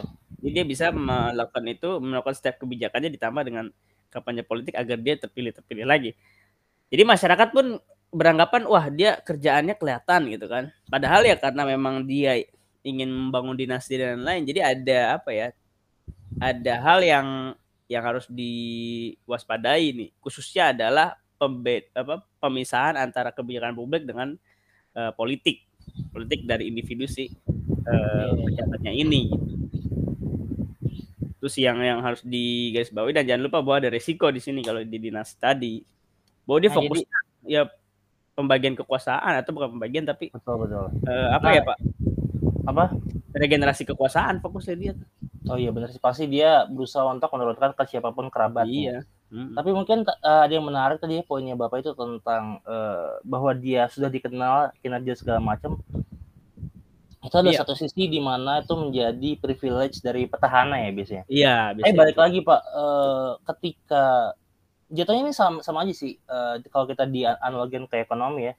Jika suatu pasar itu cuma dikuasai oleh satu produser aja, player gitu kan. market itu eh, nggak akan ke- berkembang pak dari segi kompetisinya, dari segi harganya, dari segi inovasinya juga pak. Jadi Kualitas ya. iya jatuhnya dia eh, terpilih karena sudah ada aja, bukan karena Iya. dia eh, develop atau dia udah upgrade pak. Jadi kalau di ekonomi kan kita tahu bahwa semakin banyak eh, kompetitor, produk dari suatu sektor atau market itu akan berkembang terus pak. Jadi Ya, akan ada ya. improvement, iya betul. Terus di- eh, kan kalau misalnya dia cuma satu produsen di market tuh biasanya dia tends to become monopoly dan harganya kan jadi jauh lebih mahal kalau dalam konteks ekonomi. Atau Ya. dalam misalnya di politik kita eh, ubah itu menjadi kalau misalnya dia satu-satunya calon dan itu udah di make sure bakal bertahan terus, dia lambat laun akan cenderung untuk mengurang apa somehow kinerjanya itu berkurang pak Ya, Dalam artian mungkin nanti ada abuse yang dilakukan karena dia udah make sure dia bakal terpilih di eh, tahun depan atau di periode selanjutnya. ya, ya. Ya, tentunya eh, kalau saya melihat di sini kita harus punya regulasi yang jelas ya, Pak. ya. Seperti halnya eh, presiden tuh dua periode gitu kan. Kenapa? Karena kalau tidak ada pembaruan, tadi yang seperti Bapak katakan bahwa kualitasnya tidak Emang emang dua, terlihat. emang dua Pak, bukannya tiga ya Pak? Waduh. Dua. Ya, ya Kak, semoga sih tidak berubah ya Pak ya. Karena eh, sudah baiklah kita dan juga tidak ada urgensi untuk melakukan hal tersebut. Tapi memang bola liar politik memang terjadi di Kalau kalau saya jujur ya. Pak ya, eh, saya saya masih punya prinsip di mana eh, terserah sistemnya kayak apa, yang penting niat sama kinerjanya bagus sih sebenarnya. Oke. oke. Walaupun iba- baik lagi eh, tends to corrupt, tends to eh, Ya. make abuse of power segala macam kalau misalnya durasinya itu at some level itu terlalu panjang ya. ya, ya, ya. Tetap tetap ada ininya batasannya juga. Tapi itulah sebenarnya pola yang biasa terjadi ketika sudah di dua periode. Semua Iya. akan melakukan hal itu dia akan bikin GBHR karena dia dia nggak mau kredit terjadi apa di tahun-tahun yang sudah dia lalui, yang sudah dia lakukan. Tapi eh, ini tapi apa tidak ya? lanjuti gitu kan. is- yang apa teori yang saya pelajari dengan realita yang dihadapi itu beda pak. Kayak misalnya dulu Iya. saya belajar di eh, kelas ini pak kita eh, apa Politik apa? sektor ek- eh, Publik. apa ekon- Ekonomi sektor sektor publik, publik. ekonomi sektor publik di mana di situ dia bilang eh, teorinya adalah ketika suatu presiden itu ada di periode kedua dia quote unquote nothing tulus tapi dalam artian dia bakal ninggalin legacy pak itu teorinya Oke, oke, oke. teorinya. Cuma faktanya yang kita lihat adalah banyak juga yang jatuhnya presiden di periode kedua atau di periode akhirnya itu justru nanti quote unquote nothing tulus tapi justru meraup keuntungan sebesar-besarnya dari yang dia punya hak saat itu, Pak. Ya tidak menutup kemungkinan ya ada risiko. Iya, betul gitu. Ya walaupun ya gue juga tahu itu ada dua kemungkinan itu besar yang mana, tapi di teori itu yang dulu gue pelajarin itu dia bakal ninggalin legacy, Pak. Karena dulu Oke. itu dia Oke. eh, ya apa membuat kebijakan populis oke untuk ter, terpilih dan segala macam tapi dia masih terkait sama mungkin partai pendukung dan segala macam Ya eh, kalau kita lihat di sini memang cukup beruntung ya nih, eh, pemerintahan saat ini itu periode pemilunya itu di tahun 2024 ya Pak. hmm. Di saat diestimasikan di tahun 2023 kita sudah kembali seperti biasa ya. Secara ekonomi kita sudah di angka 5 Prediksinya. persenan, iya. Eh, GDP cuma sekitar 3 persen dari 2023, mungkin 2024 ya nggak jauh ya, 2 2 sampai 3 persen eh, defisit fiskal kita. Intinya adalah secara ekonomi sudah harusnya stabil. ya Dan ya juga eh, se- seharusnya nih ya kalau diestimasikan juga eh, kesehatan kita sudah cukup baik karena memang eh, diestimasikan vaksin sudah tiga, sudah dua kali ya. Bahkan ada booster booster dan lain-lain itu yang yang, yang kita pernah Iya, bahas juga. Betul, Eh, jadi situasi sudah stabil. Jadi kemungkinan entah apa yang terjadi apabila diperbolehkan tiga periode ya bisa saja dia terpilih bisa saja ya tapi ya bisa saja tapi bisa juga tidak Poinnya apa? Poinnya adalah dia beruntung kalau karena tidak diselenggarakan pemilu di tahun-tahun pandemi. ya. Coba lihat di US ya kan di tahun 2020 kemarin Donald Trump eh, kalah kan dari Joe Biden kan. Karena Iya. memang dia di situasi pandemi. Lihat apa debat debat presidennya. Pandemi, tok. Yep. Pandemi aja udah. Yep. pasti eh, ya di satu sisi kita tetap apa ya apa apa ya tetap eh, mengkritik tapi emang Ya. nggak dipungkiri kalau pandemi itu emang semua kinerja bakal jadi turun ya yang terlihat Betul, ya betul. karena Jadi terdapat masalah tersendiri gitu betul Pak. Jadi siapa pun oposisinya bisa memanfaat, memanfaatkan hal tersebut walaupun tapi dengan tanda tapi kutip eh, itu apa ada sih. ini pak tapi ada masalah tersendiri karena pandemi ya tapi mbok ya jangan bikin masalah baru lagi gitu Nah, cukup yang pivotnya tuh pivotnya cukup dari pandemi aja. Dari Karena pandemi ada aja. banyak faktor yang membuat itu terkait juga dengan pandemi. Tapi jangan buat masalah baru gitu. Jangan apalagi masalah-masalah. pandemi aja iya makanya. Masalah-masalah yang yang seolah-olah tuh apa ya yang yang nggak masuk di akal pikiran tuh tiba-tiba muncul gitu kan Iya, ya misalnya- banyak lah kita udah bahas kemarin kan tuh kemarin kita bahas tuh yang yang nggak nggak penting yang tapi eh, apa ya, ganggu ya kan. Maksudnya nggak penting untuk kebijakan untuk kepentingan publik bayar ya, tapi bayar apa apa bayar pemakaman lah ya kan pemakaman eh, baju mewah saya lah. saya ini ya saya mewah. klarifikasi dulu nih pak bahwa kemarin mungkin saya Oh, sebutkan iya. sepuluh ribu ternyata seratus ribu pak per, Iya, makam iya, 100.000, Iya. betul. ini saya sudah klarifikasi ya teman-teman ya Nanti kita buat judulnya klarifikasi Justru lebih- pemakaman ya. Justru lebih parah loh. Iya nggak? Iya, Seratus iya. ribu. Mungkin ini Pak, kita move dulu. Mungkin biar kita agak lebih cepat nggak dua jam ya. Oke kita move oke. dulu ke ini Pak. Eh, next Ke- sel- ke selanjutnya terkait korupsi juga Pak. Ini Terkait- ada tadi udah sempat dimention ini adalah berita tentang Uli iya. Pintauli, rakyat pinta efek jerah. Waduh. Iya Di betul. sini dong. jadi seperti yang kita tahu ya, apa ada salah satu wakil ketua KPK ini terjadi kalau nggak salah pelanggaran etik ya, karena dia eh, perkara ini perkara wali kota Tanjung Balai bersalah dalam Ya. sidang etik perkara wali kota Tanjung, Jawa- Tanjung Balai yang memberikan sanksi berupa pemotongan gaji pokok sebesar 40% selama 12 bulan. Ketua Ya, Dewas jadi- KPK Tumpak Hatomo Hatorangan mengatakan Lili melanggar dua hal, yakni menyalahgunakan pengaruh untuk kepentingan pribadi dan berhubungan dengan seseorang yang sedang diperiksa perkaranya di KPK. Pertama, sebenarnya ini nggak ya. asing, ini nggak asing karena kayaknya per- ketua per- ketua KPK yang sekarang pernah melanggar etik Melanggar ini, tapi. Iya. oh kayaknya nggak ada sanksinya itu pertama. Terus yang kedua, menurut bapak gimana nih? 40% kan besar ya pak ya? Banyak kok dari Waduh. gaji 40% tuh.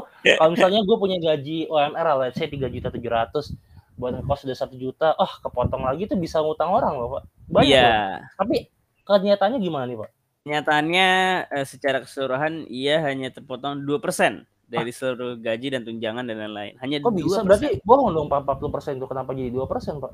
Kenapa? Ya betul dong kalau dia bilang gaji pokok. Oh, Tapi dia tidak karena bilang tunjangan dan lain-lain. ada tunjangan ya. Iya, betul. Tapi Ya, mungkin jadi- ini Pak, kita gue mau ngebahas sedikit ya Pak.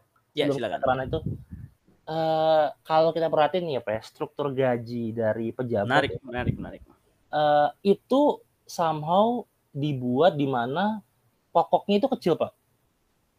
Ya, betul, betul. Kita bahas Ada, nih, seru ada nih. pattern kayak gini Pak. Jadi Kita seru nih, seru. eh, Saya gaji suka. pokoknya itu dibuat kecil, tapi tunjangannya Tunjangannya sangat besar sekali. jauh dari pokok Pak. Ini Pertama memang dari perpajakannya berbeda ya, Pak. Jadi Betul, pemotongan betul. pajak karena dari pojoknya gaji beda. pokok, terus juga ada. Tunjangan. Jadi memang diatur ya di di masing-masing tergantung kategori. Kalau gue mungkin nge- pendapatannya. mungkin ngebahasin dulu pak dari secara Hmm. psikologis ya. Ya. Psychologically itu kayak membuat membuat ini pak karena kan rakyat tuh suka pejabatnya tuh gajinya kecil pak nggak terlalu banyak jadi Ya, eh, dibuat Ya, tuh ya. seolah-olah eh kita mengabdi pada kalian lo gaji kita segini kok gitu kan yang dipublish kan kadang cuma gaji pokok ya Ya. jadi Betul, Pak. ini secara psikologis itu membuat rakyat a bit tenang gitu pak oh gaji Ya. pokoknya segini kok wajar gitu tapi kalau misalnya eh, gaji pokoknya itu dibuat hampir 90% gaji keseluruhan mungkin rakyat akan eh, ngamuk mungkin kaget. dengan orang apa mungkin beberapa orang tahu tapi hanya orang-orang tertentu yang tahu di mana tunjangannya tuh jauh-jauh lebih besar. Mungkin kalau misalnya nih pak dipublish dan akhirnya dipublish gaji beneran total gajinya termasuk tunjangan itu pasti mungkin sekarang pun apalagi sekarang ya pandemi rakyat pasti heboh sih pak. Kalau itu di up ya iya. berita ini ya Ya, ya kan bakal heboh sih. Iya menarik juga ya. kalau dari mungkin de- ini kan memang kalau untuk gaji tentu diatur ya dari undang di ya mungkin dari pajak ya, gimana pak? Ya, eh, memang diatur juga di undang-undang. Eh, tentunya memang kalau ada perubahan gaji, ya tentu harus tadi harus berdasarkan keputusan undang-undang. Yap. Jadi emang harus ada revisi dan lain-lain itu kalau untuk gaji. Tapi kalau untuk eh, tunjangan memang selalu diajukan di dewan ya Pak.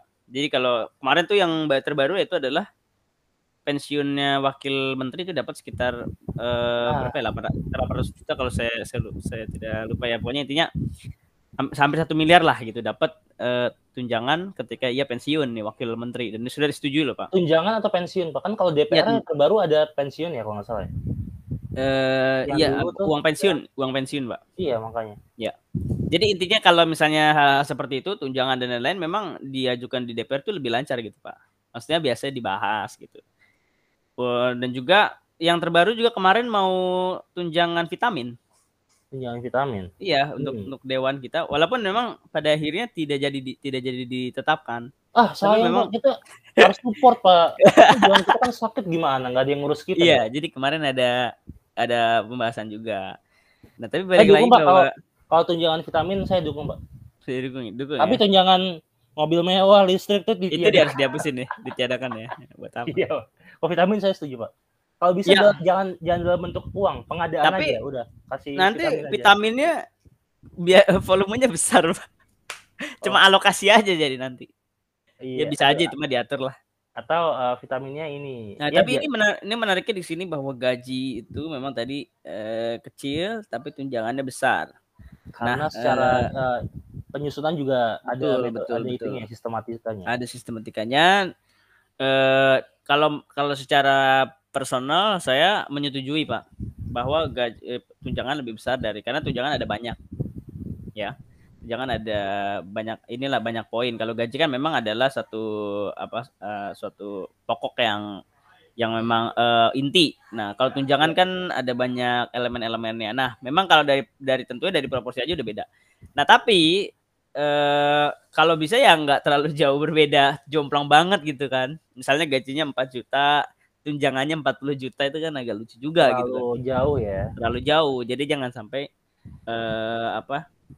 Uh, seperti halnya tadi yang Anda katakan bahwa psikologi gitu, share psikologi dan lain-lain. Ya saya setuju Pak kalau tadi dikatakan bahwa uh, gaji itu lebih kecil memang karena dari tadi bahwa dari proporsi memang berbeda. Atau gini Pak, uh, mungkin nih untuk tunjangan basic ya konsumsi transport yeah. dulu kan gue pernah kerja ya Pak ya. Yoi. Jadi itu tunjangan itu diberikan ketika kita emang kerja dan memenuhi target Pak. Jadi ya. contohnya gini. Oh jadi ada iya emang ada juga betul betul. Uh, selama 30 hari gue cuma masuk misalnya 30 hari kerja gue cuma masuk 25. Berarti mm -hmm. selama lima hari itu udah pasti uh, tunjangan makan dan transport gue nggak dapet gitu. Jadi ya. misalnya nih, ya. misalnya DPR ini tiba-tiba nggak rajin kan, kan biasanya penuh kan, uh, mm-hmm. pasti datang terus kan. Tapi tiba-tiba misalnya suatu hari itu pada nggak datang pak, nah itu harus dikat pak, bisa dicopot. Harus ada harus ada mekanisme akumulasi Jadi tunjangan itu di achieve karena dia melakukan suatu hal atau uh, menuntaskan kewajibannya gitu kalau. Berarti ada parameter-parameter yang lebih jelas iya, ya. Selain angkanya rasional, tapi harus ada kondisinya juga pak. Iya, ya. saya setuju pak. Memang sudah dilakukan juga Pak untuk tunjangan profesi guru dan tunjangan khusus guru itu TPG dan TKG kalau kita melihat contoh ya. Yeah. Bahwa dia memang berdasarkan tadi bahwa berdasarkan uh, profesi berarti dia harus ambil uh, apa tes ya dan lain-lain. Yep. Jadi ada ada ada kinerja baru ada tunjangan dan lain-lain gitu nah, kan. ini uh, mungkin bisa dibahas di selanjutnya walaupun isu ini mungkin udah agak lama tapi ya uh, kan seleksinya baru dimulai nih ya untuk uh, guru apa jatuhnya kan jadi kontrak ya. Ini mungkin menarik ya, untuk ya. dibahas. Ya mungkin nanti okay. ya kita akan bahas. Oke. Okay. Yap, yap. Uh, apalagi mungkin ya terkait ini uh, terkait waktu, dengan waktu ini, uh, tadi Pak terkait dengan efek jerah ya kan. Hmm. Nah, ini juga ada kejahatan yang harusnya ada efek jerah pak. Baik oh, dari pelaku dan juga dari korban juga harus jerah nih. Apa tuh pak? Itu adalah uh, aplikasi peduli lindungi. Peduli bahwa ada ada kebocoran data pribadi. Juga kita adalah peduli lindungi apakah peduli dengan data pribadi? Oh, nah menarik nih. Jadi tadi yang pertama kenapa langsung saja ya kenapa saya singgung tadi terkait dengan korbannya? Karena memang ada sebelumnya memang terkait uh, sempat viral bahwa ada jasa untuk printing ya dari dari kartu peduli lindungi dan justru itu bahaya oh, ya. Ini uh, awal momentumnya tuh printing. Awal ya? momentum, iya. Nah, dari situ uh, walaupun kita sudah pernah bahas pak ya kalau tidak salah ya uh, terkait dengan NIK dan lain kalau salah kita sudah pernah bahas juga di beberapa uh, episode yang lalu. Tapi ini muncul kembali karena memang uh, semakin santer pak. Jadi menurut CNN Indonesia nih ya, Badan yeah. Siber dan Sandi Negara BSSN itu mengatakan bahwa Pemerintah bertanggung jawab jika terjadi kerugian akibat kebocoran data di aplikasi Lindungi. Kominfo juga mengatakan bahwa insiden kebocoran data e-hack tidak mempengaruhi data yang terintegrasi dalam aplikasi Peduli Lindungi. Nah, ini yang dikatakan oleh uh, Kominfo. Kominfo. Tapi perlu kita ingat bahwa ini juga terkait dengan kasus yang tadi e-hack tadi. Yeah. Nah, tapi di uh, di apa diberitakan oleh Kompas yaitu Ketua Dewan Perwakilan Rakyat uh, yang terhormat Lord Puan Maharani mengingatkan komitmen pemerintah dalam menyelesaikan rencana rencana uh, rencana undang-undang perlindungan data pribadi yang yang sudah memang pada dasarnya sudah dibahas oleh DPR hmm, tapi iya. dia menyorot menyorot atau mengusulkan bahwa kebocoran data pribadi yang malah terjadi itu uh, salah satunya adalah uh, data nomor kependudukan pak nah dan juga sertifikat vaksin dari Pak Joko Widodo yang tersebar di media sosial nah ini yang memang Waduh. salah satu apa ya uh, momentum atau klimaks dari permasalahan ini. Iya ya. Presiden uh, kita loh. Jadi uh, mungkin dari Pak Presiden loh. Jadi yang gue tahu itu kalau nggak salah penjelasannya adalah di mana Peduli Lindungi itu kan adalah sebuah aplikasi untuk gathering data ya. Ya. Jadi untuk, untuk dia itu nggak punya skema di mana kalau kita search uh, pakai kan dia itu keywordnya dua ada kata apa ada NIK dan ada email nama ya? nama ya nama dan oh iya ya. iya bisa bisa ketika bisa itu juga, di ya. enter itu akan muncul pak data vaksinnya jadi mungkin fil filter dari NIK dan ini untuk beberapa orang yang mungkin sensitif untuk diketahui itu nggak bisa pak apa belum ada mungkin ya jadi ketika dia punya dua keyword itu itu akan muncul pak uh, apa ini kan sertifikat vaksin gitu dalam ya. hal ini. Ini saya kebetulan juga sempat download pak uh, apa uh, untuk keluarga saya juga. Kalau bapak ya. sudah pernah nih? Saya udah pernah uh, tentu untuk ya, ini ya. pak untuk uh, masuk mall pak. Jadi kalau misalnya ya. sekarang kan kalau Jakarta uh, contohnya di Jakarta itu masuk mall itu harus pakai kartu apa kartu aplikasi peduli scan ya scan barcode peduli ya scan ya. barcode untuk ngetrack uh, bahwa kita tuh masuk mall itu gitu Ya, betul. Jadi kalau betul yang tadi Bapak katakan bahwa kalau untuk sertifikat vaksin saja itu hanya butuh nama, terus juga tanggal lahir, nikah ya, iya, nikah, terus uh, tanggal vaksin, hmm. terus jenis vaksin, udah sama uh, apa kita kita bisa cek atau uh, untuk sertifikat satu dan sertifikat dua. Namun memang uh, saya memang belum pernah mencoba untuk orang lain ya pak ya. Jadi memang masih oh. untuk diri saya sendiri. Uh, saya sempat pernah mencoba eh, nggak uh, tahu ya kalau saya sih pernah untuk uh, anggota keluarga saya. Jadi misalnya nih karena bapak saya itu nggak punya email ya, jadi saya pakai email saya saya login. Terus saya uh, mau cetak kartu vaksin bapak saya, tapi nggak bisa pak. Kalau saya sih ya nggak tahu sih orang lain apakah sudah bisa atau enggak ya. Itu sih yang yang yeah yang saya uh, alami sejauh ini. Kalau Bapak kira-kira pengalaman sejauh ini? Kalau saya kemarin sih Pak, mungkin saya agak vaksinnya agak awal ya. Jadi kemarin tuh dapat surat Pak. Jadi benar kalau kan kalau panggilan tuh, Pak? Bukan. Bukan nih, kayak surat ini uh, eh, KCK. KCK. Apa KCK? Surat keterangan catatan kepolisian. iya.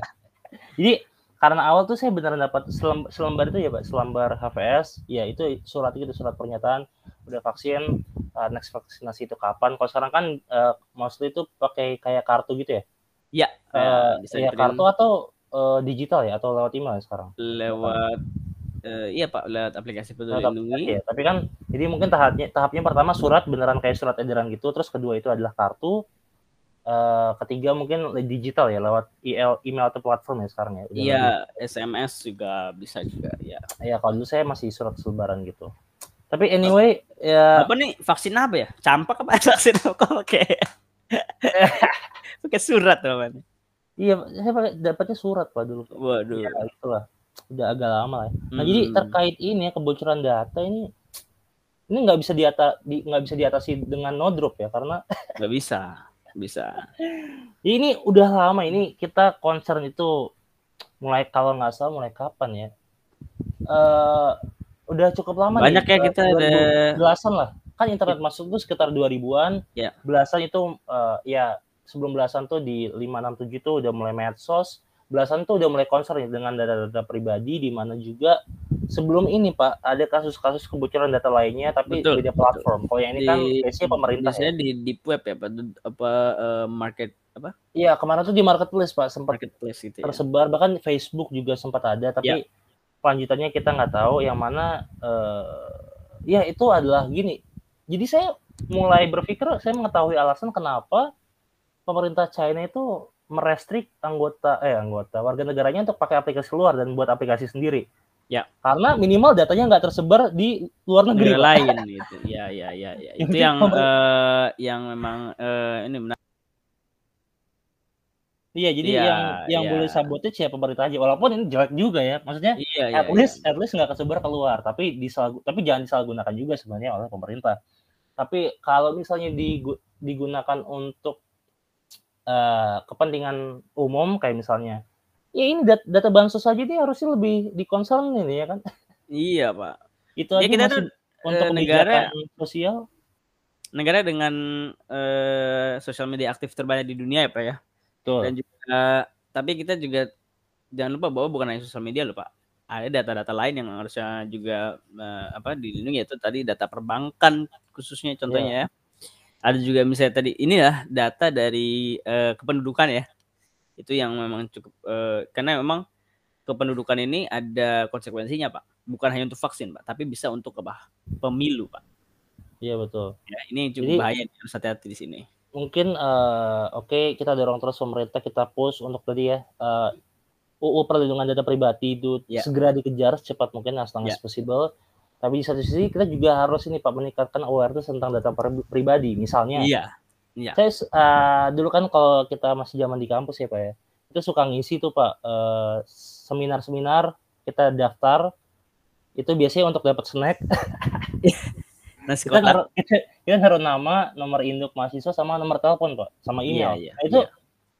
gue eh, setelah beberapa kasus banyak ada telepon pinjol segala macem atau tawaran dari instansi yang dekat dengan webinar tersebut eh seminar tersebut saya mulai curiga emang itu apa, dipakai gitu. pak datanya Ya, semoga sih tidak ya, tapi eh, ada ada ada pengalaman ada pengalaman kemungkinan seperti ada kemungkinan Iya. jadi mungkin buat kalian nih yang mungkin nggak yakin terhadap suatu acara jangan intinya sekarang intinya ini pak Eh. kalau nggak terlalu yakin dengan suatu ara- acara tersebut apalagi itu eh, nggak kenal ya instansinya atau apa pun Ya. jangan gampang ngasih Data email pribadi. nomor HP eh, data pribadi gitu secara gamblang kecuali Betul. kalian data kayak misalnya eh ya Kemenparekraf beneran web pasti dia ada acara apa webinar UMKM segala macam kalian daftar tuh nggak apa-apa at least Ya. kita tahu itu adalah instansi yang terpercaya gitu ya Ya, ya. Eh, sekarang saya mau tanya Pak dengan Bapak. Sebenarnya data Apa? pribadi kita tuh bisa untuk apa aja sih?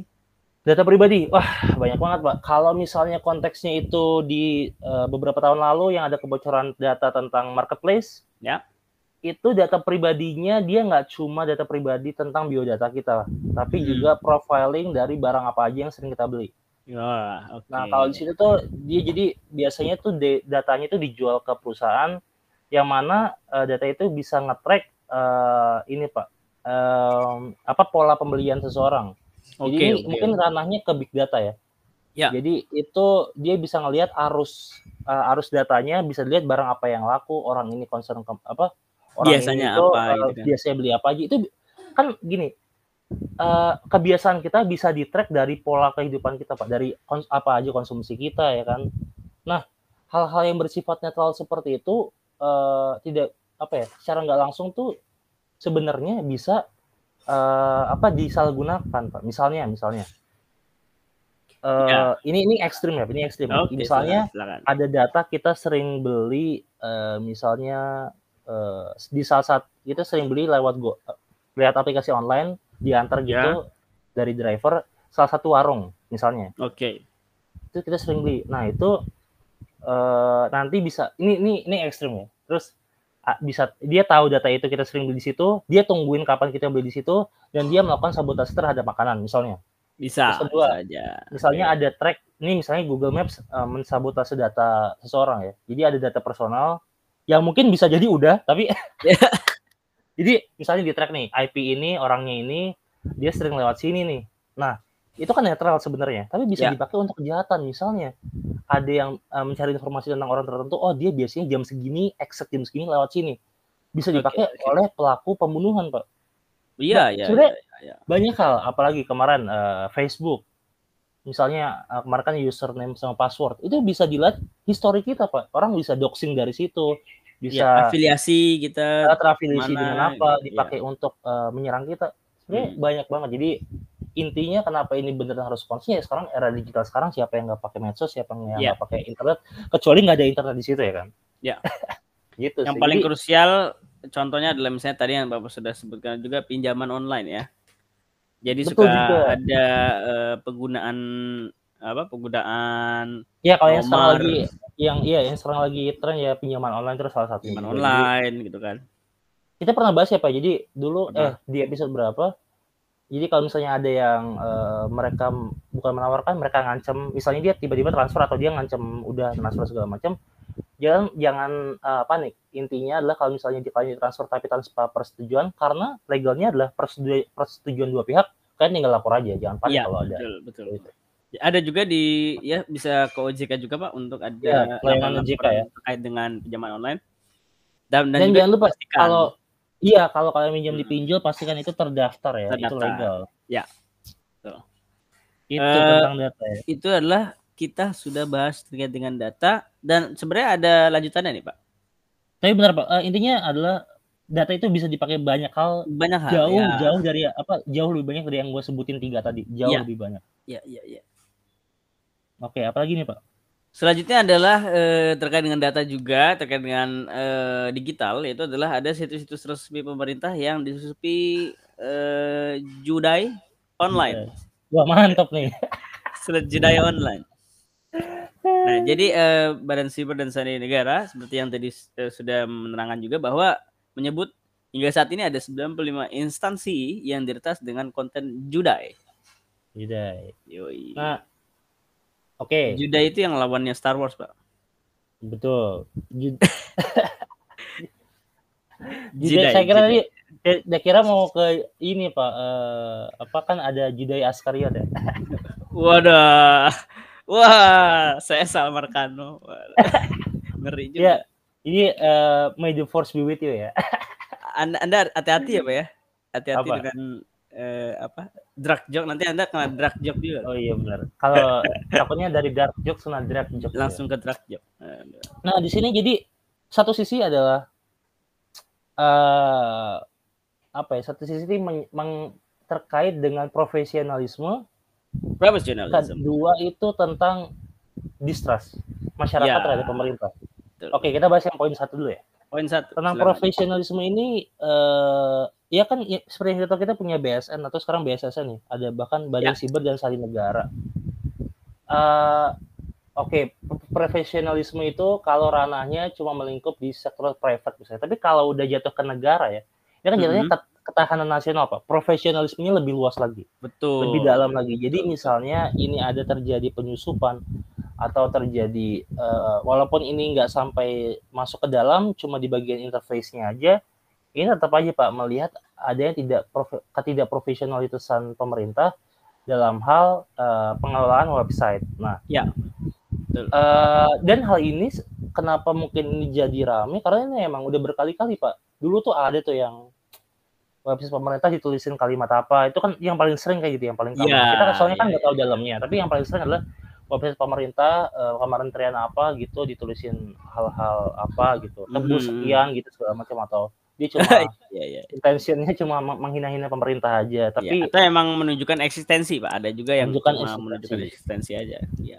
Ya, jadi ya itu poin yang harus diberesin ya karena yang seperti yang kita tahu misalnya eh eh, atau jangan-jangan pemerintah deh misalnya di kampus itu kita ngisi biodata atau kita sedang ingin mengisi perencanaan kuliah pak ya itu Ya. websitenya sering sering down Sering down. padahal udah dipredik bahwa tahun depan mahasiswanya sekian berarti nambah potensi- lagi, nambah lagi Iya. gitu kan. pote- potensi data potensi loading data Traffic. dalam hari Mm-mm. traffic yang terjadi dalam hari pendaftaran harusnya bertambah sekian it Ya, should be predicted juga kan. harusnya meningkat dong. It should be Ya. predicted. Sama kayak Iya. pemerintah juga beberapa website pemerintah mungkin ketika kita isi juga kadang eh, tidak tersedia atau Ya. loadingnya lama Mm-mm. gitu.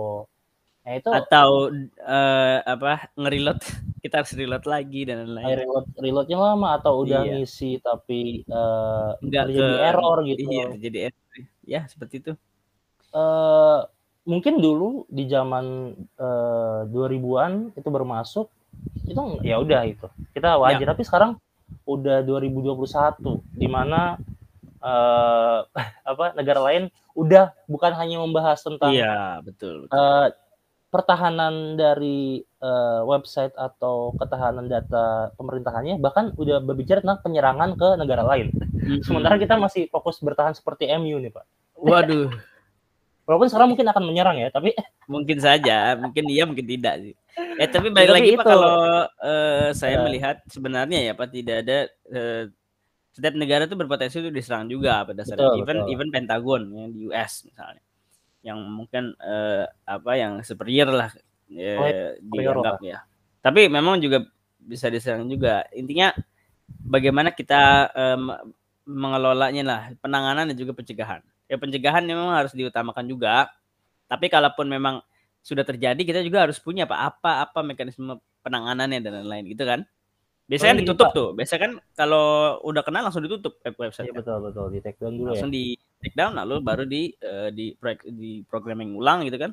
Lalu diperbaiki dan juga baru bisa di eh, apa bisa di publish. Nah, Tapi tapi kalau gue gini sih pak, eh, gue eh, gue ngeliat ini eh, wajar gitu karena pertama uh, dari quality webnya kadang tuh kan emang buat reload lama, Waduh, isi lama iya, segala macam. Terus kedua Pak yang paling kelihatan deh. Maksudnya kan kadang orang pencitraan ya. Ya. Pencitraan itu penting karena first impression matters kan. Ya. Dari user interface-nya aja Pak itu kaku banget Pak. Udah kelihatan ah ini ya udah dibuat aja gitu. Yang penting ada ngerti nggak? Iya, oke, oke. Itu itu maksudnya eh, udah berpotensi hacker bakal ngeliat oh ini nggak niat nih bikinnya orang UI-nya jelek pasti gampang diretas Betul. gitu ngerti nggak? Jadi Betul. dimulai dari itunya dulu aja. Terus Pertama, kalau kita harus lihat anggarannya ya.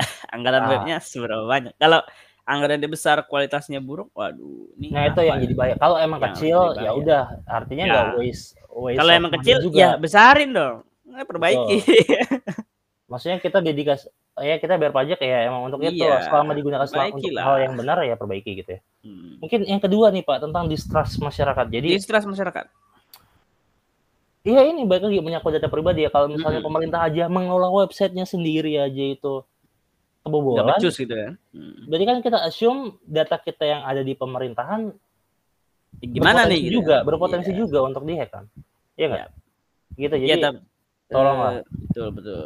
Kalau saya ya melihat walaupun memang- walaupun walaupun ini ya eh, mungkin server atau eh, penjagaan keketatan datanya itu beda karena itu kan just a normal website misalnya ya. ya Jadi, ya beda uh, dong ya. penjagaannya nggak terlalu ketat tapi untuk Yap. website atau server yang berisikan data pribadi itu dijaga ketat kita juga don't know kita belum tahu tapi mungkin ini bisa diklarify ya Ya, betul, Pak. Jadi intinya eh, kalau saya sih boleh beranggapan bahwa untuk teman-teman juga semuanya pemahaman terkait dengan eh, digital itu memang harus harus ada, Pak. Walaupun memang misalnya pro- profesinya apa gitu ya, tapi tetap pemahaman digital harus ada. Kenapa? Karena kita selalu eh, touch up ataupun selalu eh, berkaitan dengan eh, hal-hal digital, website, website dan lain-lain, Pak.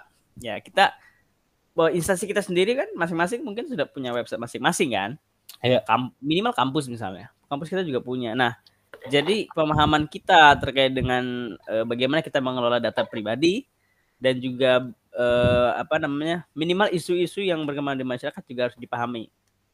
Nah, selanjutnya Ya, kalau betul. kita melihat dari segi eh, apa penanganan ya ke depan ya penanganan ke depan, saya bersaran kepada pemerintah jangan sampai data kesehatan, data COVID-19 dan juga data-data ek- ekonomi dan COVID-19 terkait dengan hal-hal yang eh, emergensi ya di saat-saat seperti ini itu jangan sampai dia eh, tidak diperi- di, tidak di, eh, diperhatikan juga.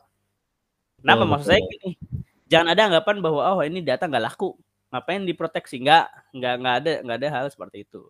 Bahwa Ya. eh, bisa aja data itu eh, disalahgunakan dan lain-lain. Contohnya ini dari peduli lindungi awal-awal kan siapa yang peduli dengan kartu vaksin? Eh, ternyata iya betul betul eh, di saat emergency, di saat orang lain eh, apa berbicara terkait dengan ketahanan pangan, ketahanan kesehatan, tiba-tiba ada yang menyalahgunakan. Nah ini yang eh, harusnya diperhatikan dan ini situasi emergency. Jangan sampai di situasi seperti ini ada chaos-chaos seperti itu jangan sampai bahaya. Iya soalnya kan konteks itu berubah sering berjalannya waktu ya Ya. betul. Eh, kayak misalnya dulu concern tentang sexuality itu belum terlalu seperti sekarang Mm-mm. apa ya atau kita lebih jauh lagi lah dulu slavery itu adalah hal yang wajar kan Ya. tapi sekarang itu udah karena ma- udah apa ya sistem dari eh, apa sosial itu sudah terdevelop dan kita tahu bahwa itu sebenarnya adalah eh, penyiksaan dan segala macam itu eh, apa di luar rasa kemanusiaan lah itu harus Ya, ya. ditindak jadi sekarang slavery itu ada pidananya segala macam jadi jangan menggampangkan suatu hal sih karena itu bisa aja matras di eh, kemudian hari Iya betul betul. Apalagi kita keadaan seperti lagi seperti saat ini pak, di mana data itu eh, menyangkut apa ya, menyangkut nyawa seseorang. Ya itu tadi karena bisa dari data yang bocor bisa threaten somebody ya. Karena itu tadi udah gue jelasin kan contoh ekstrim Oke. soal pembunuhan segala macam. Ngomong-ngomong eh, ketahanan mungkin pak, Waduh, bridging ya. ngomong-ngomong ketahanan tadi terkait dengan ketahanan cyber kita. Ya. Tadi ini adalah berkaitan dengan ketahanan eh, pangan kita pak. Waduh, kenapa? Emang kita krisis pangan, Pak? Iya jadi eh, ada eh, ada isu bahwa akan dibentuk Badan Pangan Nasional atau BPN pak. Nah, eh, jadi kalau kita melihat isunya ya Pak ya, kalau kita melihat laporan-laporan dari IMF, memang di kov- di situasi COVID-19 ini eh, isu di ekonomis ya, isu-isu ekonom itu adalah salah satunya adalah ketahanan pangan. Iya. atau food sustainability. Jadi eh, eh, kebanyakan ya IMF itu mengatakan bahwa kebanyakan ekonomi itu tidak memperhatikan dengan berka- tidak memperhatikan pangan. Iya. Kenapa? Karena dia hanya berkaitan dengan supply demand dan juga eh, apa su- eh, value change dan lain-lain itu yang yang yang hanya dia perhatikan tapi tidak berkaitan dengan ketahanannya gitu. Iya. Nah, ini yang di di apa yang langsung direk eh, apa kalau tidak salah direktur dari IMF itu sendiri di salah satu pidatonya mengatakan hal seperti itu. Jadi memang ke depan adalah dia dia sebut dengan gamblang itu adalah reckoning. There will be a reckoning atau ada perhitungan di masa depan terkait dengan ketahanan pangan kita. Karena situasi pandemi ini. Saya eh, saya setuju dengan hal tersebut. Kenapa? Karena memang yang pertama eh, situasi pandemi ini kita produksi menurun ya Pak ya dan lain-lain. Iya, iya. Tentunya stok juga akan menurun dengan asumsi bahwa produksi tidak menurun tapi eh, konsum apa konsumsi atau kebutuhan tetap ya. Atau pro- daya beli memang tidak kalau terlalu kalau ini apa kalau jokesnya adalah eh, produksinya turun karena nggak boleh keluar rumah, tapi karena Ya. sering keluar rumah jadi banyak orang yang sering eh, memproduksi anak, Pak. Eh, Jadi, oh jadi populasinya populasinya Ya. jauh lebih tinggi betul betul. pertumbuhan. Betul Pak. Jadi eh dan satu hal yang tadi Bapak sudah sampaikan bahwa ada beberapa hal khususnya di Indonesia kita mengingat bahwa Indonesia ini eh, sudah 14 bulan ber- berturut-turut kita sudah trade surplus. Salah Ya. satu poin utamanya adalah dari agriculture atau salah Iya, satu betul. penyumbang utamanya adalah dari non migas yaitu agriculture. salah, salah satu sektor yang Ya. tetap tumbuh di pandemi ya eh, agriculture ya. Nah, itu kenapa? Karena memang terkait dengan pangan tadi. Ya. Bahwa masyarakat dunia itu demand-nya tinggi terkait dengan pangan karena mereka eh, apa juga memang dalam situasi pandemi. Tapi gue mau tahu deh, Pak, eh, ket- eh, keadaan pandemi gini eh, international trade tuh jalan nggak sih pakai ekspor impor gitu? Jalan, Pak. Kita itu Masih- udah masih 14 ya? Masih kita jalan eh, di kuartal 1 2020 ini 2021 ini kita surplus eh, untuk Amin. ini ya, untuk untuk trade itu 4,5 miliar dolar kita. Eh, sorry sorry, eh, I change my question. Ya. I mean eh, itu berjalan normal nggak eh, supply eh, distribusinya? Kayak misalnya kan kita eh, impor apa gitu atau ekspor apa itu jalan normal atau restriksinya tetap ada? Kalau di untuk untuk bah untuk ini ya, untuk produk ya bukan untuk Ya, manusia kalau yang Indonesia iya normal. Di Normal ya? Indonesia ya. Kenapa? Karena eh, kita dari saat ini tapi ya kalau sebelum-sebelumnya memang terjadi eh, Oh. apa ga- agak-agak tentunya gangguan dong disturbance dari Covid. Tapi sekarang Pasti kita ya. sudah mulai agak normal. Kenapa? Karena dari ekspor kita memang oke cukup baik dan impor Oh. kita terus meningkat. Jadi intinya Tapi- permintaan dalam negeri juga sudah mulai membaik gitu. mungkin gini pak ya kalau di awal berarti selain ada masalah di dalam negeri which is productionnya itu uh, getting lower Ya. terus second adalah uh, karena kita itu masih depends depending depending sama uh, apa luar negeri untuk misalnya impor beras Ya. segala macam itu mungkin uh, ada disturbance jadinya itu uh, ber- bermasalah ya tapi Ya, ya, ya. Pun sekarang udah normal kalau faktornya ada di masing-masing masing-masing negara di mana produksinya turun pasti mereka akan mencoba untuk fulfill uh, kebutuhan mereka needs, dulu kan ya, ya. pasti uh, kalau di assume kayak gitu ekspor mereka berkurang sehingga pasokan ke misalnya Indonesia itu impor beras itu juga berkurang juga mungkin ya Ya, jadi eh, Indonesia ini memang karena kita salah satu agriculture kita kan masih besar ya Pak kontribusinya ya. Yang di mana seharusnya harusnya sudah- sudah beralih ke manufaktur dan udah jasa. geser ya harusnya Tapi eh, pertumbuhan agriculture kita masih cukup besar. Da, oleh sebab itu memang daya tahan kita eksternal kita di situasi pandemi ini memang terkait dengan yang tadi sudah saya katakan bahwa didorong dengan eh, agriculture tadi. Nah, ngomong-ngomong agriculture tadi bahwa ini terkait juga dengan ketahanan pangan. Bahwa eh, kita tidak menutup kemungkinan bahwa setiap eh, apa proses ataupun eh, apa ya unit bisnis setiap setiap proses unit bisnis yang dilakukan di agriculture itu masih raw pak atau masih eh, mostly itu memang eh, apa terlibatan manusianya masih besar di mana Ya. di negara-negara maju itu sudah menggunakan robot sudah menggunakan artificial intelligence itu sudah sudah berjalan dengan baik gitu pak di mana kita harus catch up terkait dengan itu nah itu Eh, sih ini, Pak, gimana, eh, Pak? jangankan ngebahas artificial intelligence pak ya nggak semua petani di sini bahkan punya traktor pak Iya, iya. Jadi eh, apa Iya. misain padi, benih padinya tuh eh, dari apa dari tangkainya itu masih digebuk Ya. ke papan, Pak. masih kebuk papan betul Atau ya atau ditaruh di bawah uh, diselimutin karung terus diinjak-injak gitu pak biar kepisah sama bulir sama itunya nah jadi jangan ngomongin artificial intelligence nah oke okay, ya tapi pak ada yeah, secerca yeah, yeah. harapan apa tuh jadi ada berita pak dari pertanian Bogor IPB hmm? itu sudah bisa membuat robot eh, pemetik melon itu okay. uh, eh, artificial intelligence, Pak. Jadi dia bisa tahu mana melon yang matang mana yang enggak. Kenapa spesifik melon, Pak? Nah, itu sih nggak tahu. Jadi memang yang saya baca itu sudah okay. ada tuh. Oke. Okay. Ya, jadi memang maksudnya adalah mulai aja dulu, nanti kita kembangin gitu loh, Pak, maksudnya, Pak. Iya, iya, iya.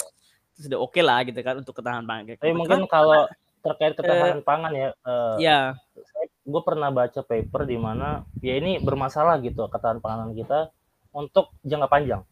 Okay. Karena kalau dilihat dari struk apa dari pola apa pola apa namanya tanah yang dipakai itu jadi kebanyakan sekarang itu per, iya uh, dari dari dari penanamannya itu kebanyakan petak sawah itu yang dimiliki perorangan tuh kecil-kecil pak jadi biar jadi dari dari zaman dulu tuh bisa punya sawah besar terus dibagi keturunan turunannya jadi kecil-kecil kecil itu pertama jadi ternyata uh, banyak uh, apa sawah itu yang di ya itu produksinya skalanya kecil-kecil gitu perorangan itu yang pertama. Oke. Okay, Terus kedua, okay. petani-petaninya itu uh, apa usianya itu ini Pak uh, apa menengah bukan menengah ke atas. Udah menjelang tua gitu Pak. Jadi Oke. Okay. Banyak yang tua-tua yang jadi penat. Jadi nggak ada regenerasi. Jadi regenerasi. kalau misalnya kita balik lagi ke poin Bapak tadi, kalau misalnya jatuh oh ya sorry yang terkait pertama tadi jadi mengindikasikan bahwa uh, petani itu banyak yang emang petani kecil jatuhnya. Oke, okay, oke. Okay. Pun pun misalnya ada lahan besar, itu dikelola orang terus petaninya itu dipekerjakan jadi intinya yang pertama itu banyak masih non apa, ini ya bukan non sektor non, agrikulturnya besar tapi ya. uh, tapi banyak petani kecilnya ya which is itu ya udah biasanya menghidupi kehidupan sehari-hari aja atau dijual sebagian okay. uh, terus yang kedua itu dari komposisi apa dari struktur usia petaninya itu banyak yang tua-tua jadi regenerasinya dipertanyakan di tahun-tahun mendatang jadi uh, dua itu yang cukup jadi concern uh, since kita masih bergantung sama people di mana ya. tadi kalau negara maju itu udah banyak yang menggunakan teknologi sehingga bisa lebih efisien ya dalam pengerjaan dan segala macam ya. gitu. Oke, uh, jadi kalau kita tapi uh, gini Pak, saya mau menyampaikan bahwa luar negeri memang benar tadi bahwa sudah involve uh, artificial intelligence, sudah ya. ada uh, robotik dan lain-lain. Indonesia juga diharapkan kita kecap ke hal tersebut, tapi jangan takut terkait dengan kesejahteraan petani, jangan takut, karena memang. Nah, ya biasanya uh, itu tuh pak. Ya, karena memang flow of, gitu. ya flow of bisnisnya masih membutuhkan manusia tentu ya. Namun Apalagi yang di masa transisi ya. Iya, namun di situasi pandemi ini memang tidak tidak menutup kemungkinan bahwa kesehatan itu yang utama gitu loh pak maksudnya pak. Nah jadi eh, apa namanya concern kita tentu adalah keselamatan keselamatan eh, dari dari pangan ya ataupun ketahanan pangan kita dan juga keselamatan dari petani itu yang saya maksud tadi. Jadi jangan sampai wah mentang-mentang kebutuhan besar nah dia juga eh, me, apa mengabaikan kesehatannya ya jangan sampai juga walaupun memang kalau pertanian eh, enggak mepet-mepet ya pas satu sama lain ya Pak ya. Jadi resikonya apa, Apanya? Oh, uh, pengerjaannya. Pengerjaannya mungkin nggak mepet oh, ya? Enggak, enggak. Tapi ya kontak pasti terjadi. Ya, ya kemungkinan terkontak. Mungkin tapi ya, ya jauh-jauh. Iya. Betul, betul, betul. Uh, ini sih mungkin biasanya yang dilakukan terlebih dahulu tuh sebelum mereplace orang-orangnya dari pengawasan dulu pak misalnya dia udah mulai ada tapi belum diterapin secara masif pak kayak misalnya kalau di pertanian ya jadi pengawasan ini pengawasan sawahnya itu menggunakan drone misalnya Ya, ya, ya. Dilihat itu apakah terjadi aktivitas dari hama segala macam. Itu kan bayangin kalau ada sawah berhektar-hektar walaupun itu eh, apa dalam coverage yang dekat-dekat semua, tapi kan capek Pak ngeliatin satu-satu. Iya, iya, iya. Terus uh, pemantauan lebih ya, Pak, pemantauan. Iya, pemantauan irigasi berdasarkan uh, jadi pakai semacam alat pendeteksi kan kalau pendeteksi banjir tuh dilihat dari tinggi air ya. Ya. Nah, yang gitu-gitu aja belum ada Pak. Jadi kan misalnya kalau ad, udah ada nih diterapin di semuanya sistem irigasinya itu udah ada tuh robot yang uh, ngasih sinyal oh nih kekurangan air segala macam kan jadi lebih cepat untuk dipantau nggak harus kita datang ya. langsung ngeliatin satu-satu irigasi dan enaknya apakah robot, ada yang mampet apa enggak gitu kan enaknya robot itu juga bisa terintegrasi pak sistem nah, informasinya iya betul Jadi dari pengawasan tadi terintegrasi gitu dan akuntabel transparan. Itu sih yang emang, emang uh, enak di apa namanya apa, manfaat apa ya bisa diterima. Project yang pernah gua tahu ya karena di sawah kan sebenarnya uh, bukan terkait nggak ada listrik apa nggak justru di sawah pakai paparan matahari pak pakai tenaga surya aja. Iya iya iya iya. Karena memang bisa, semuanya bisa, bergantung dengan matahari ya. Betul, apalagi kita kan uh, apa kultur kita tropis ya itu sangat ya. diuntungkan sebenarnya. Ya, ya dari iklim iklim iklim. Nah, nanti kita bakal bahas tuh uh, penggunaan teknologi uh, alternatif ya. Iya, oke. Okay. Uh, tenaga apa sumber daya ya, mungkin kita juga nanti uh, bisa undang inilah Siapa? pakar lah ya. Siapa? itu tapi dari IPB tapi nggak uh. jadi IPB.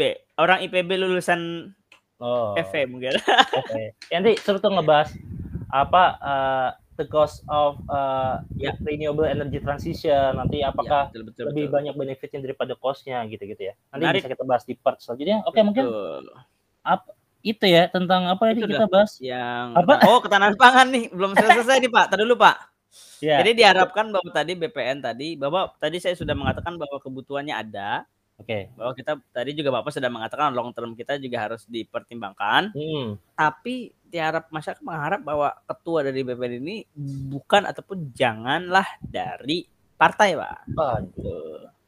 Eh mungkin Jangan ini ya, sampai ya, gitu loh. Uh, mungkin agak baik sedikit ke statement sebelumnya Pak ya. Tapi kan di, itu dibilang ya, uh, eh, BPN ini uh, tidak diperlukan selama kementerian menjalankan tupoksinya Tupoksi. secara benar. Menurut ya. Bapak gimana?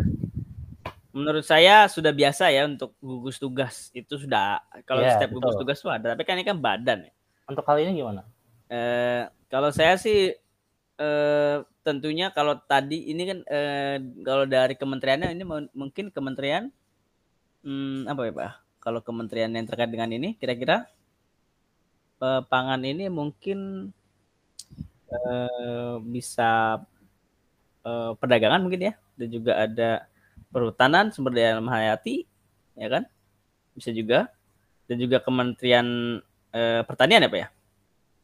Ya, iya, ya. Daya ketiga itu ya. Mungkin yang yang yang keterkaitan satu sama lain ya. Eh ya kalau saya melihat di sini tentu mereka punya eh, punya Menko-nya kan? Iya, betul. Itu adalah eh, apa? Eh, yang mengkoordinator antar tugas kementerian. Nah, kalau menurut saya tupoksinya ini dilakukan ataupun diawasi oleh Menko-nya aja Pak supaya terintegrasi hmm. gitu loh Pak. Berarti balik lagi ke yang di Pertuan Agung itu Pak. Waduh. Tidak usah enggak, di... enggak, enggak, Pak, beda. Ini kan ya. Menko, men, kan udah pindah. Beda Pak, dong, iya, iya, udah pindah. sekarang. Beda sektor. Ya. Dulu sempat ya. Dulu sempat. Ya, eh, tadi saya sudah sampaikan bahwa sebenarnya kalau memang secara tupoksinya sudah terintegrasi dengan baik dan juga pembagiannya jelas karena begini Pak, concern saya di sini Pak. Bahwa kadang-kadang satu sama lain itu tumpang tindih. Betul. Jadi di sini ada divisi terkait dengan ini, di tempat lain juga ada.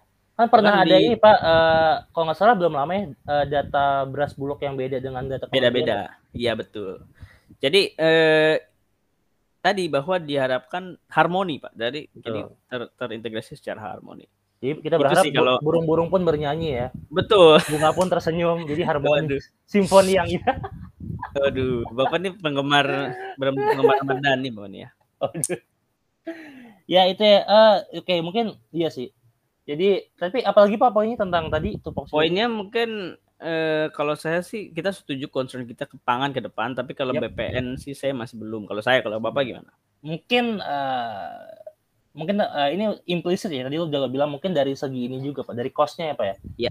Jadi uh, pembentukan badan pasti nanti akan ada struktur baru ya atau nanti ya. ada uh, anggaran baru yang, yang di hire lagi baru dan ya. itu makan biaya segala macam. Sementara ini sedang Covid walaupun yes tujuannya itu untuk stabilisasi pangan dalam masa Covid juga. Tapi mungkin kalau misalnya ada yang bisa dioptimalkan kenapa harus uh, nambah cost lagi gitu ya mungkin poinnya. Ya. gitu. Terus uh, mungkin yang statement yang kedua uh, soal kalau mungkin tidak apa ya diwanti-wanti ini oleh Pak Faisal Basri jangan diisi oleh figur politik yang mana ini pasti merujuk ke jatuhnya ke zaken kabinet ya di mana setiap orang tuh diisi oleh uh, apa profesional ya.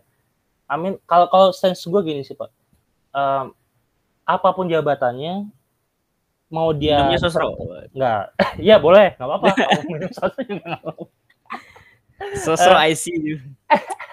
Oke, jadi sosro bayar ya. boleh, boleh. Di mention nih. Jadi apa pun jabatannya, uh, walaupun dia di parpol, kalau dia punya capability, kalau gue sih nggak masalah sih. Kecuali iya, iya, tiba-tiba naruh orang parpol yang antah berantah aja gitu, dia nggak punya nggak punya konser ke situ iya. uh, dari latar belakangnya dia nggak punya konser ke sektor itu terus dia dari setiap uh, statementnya tuh nggak ada membahas isu itu nggak tahu stance di mana nggak pernah bikin penelitian tentang itu gitu. nggak uh, punya capability di situ iya. misalnya dia kuliahnya apa uh, jabatannya apa apa ya kan gitulah intinya gitu sih contohnya ya. misalnya kalau ada Eh, tapi tapi background nggak masalah sih selama dia misalnya punya kemampuan ya kan kadang skill nggak didapatkan delivery dan formal. integritas ya ya walaupun kan kadang skill nggak dapat dari uh, hal formal pendidikan formal ya selama dia punya integriti dan misalnya ada misalnya nih ada anak band yang mau jadi di Telkom misalnya nggak apa-apa waduh lo nggak apa-apa iya kali iya, iya. kali aja mungkin dia emang punya banyak apa pengalaman apa berorganisasinya dia dia punya sertifikat ini ini itu kan kita nggak tahu iya, jadi nggak harus menempuh pendidikan formal yang misalnya masa enam tahun 9 tahun 12 tahun nggak usah iya benar benar dia punya pertama sih integritas attitude ya Iya. Kedua ya itu tadi dia punya kemampuan aja nggak harus formal. Iya. Memang yang paling penting itu ya eh, kemampuan ya. ya. Performance dia nanti seperti apa. Betul.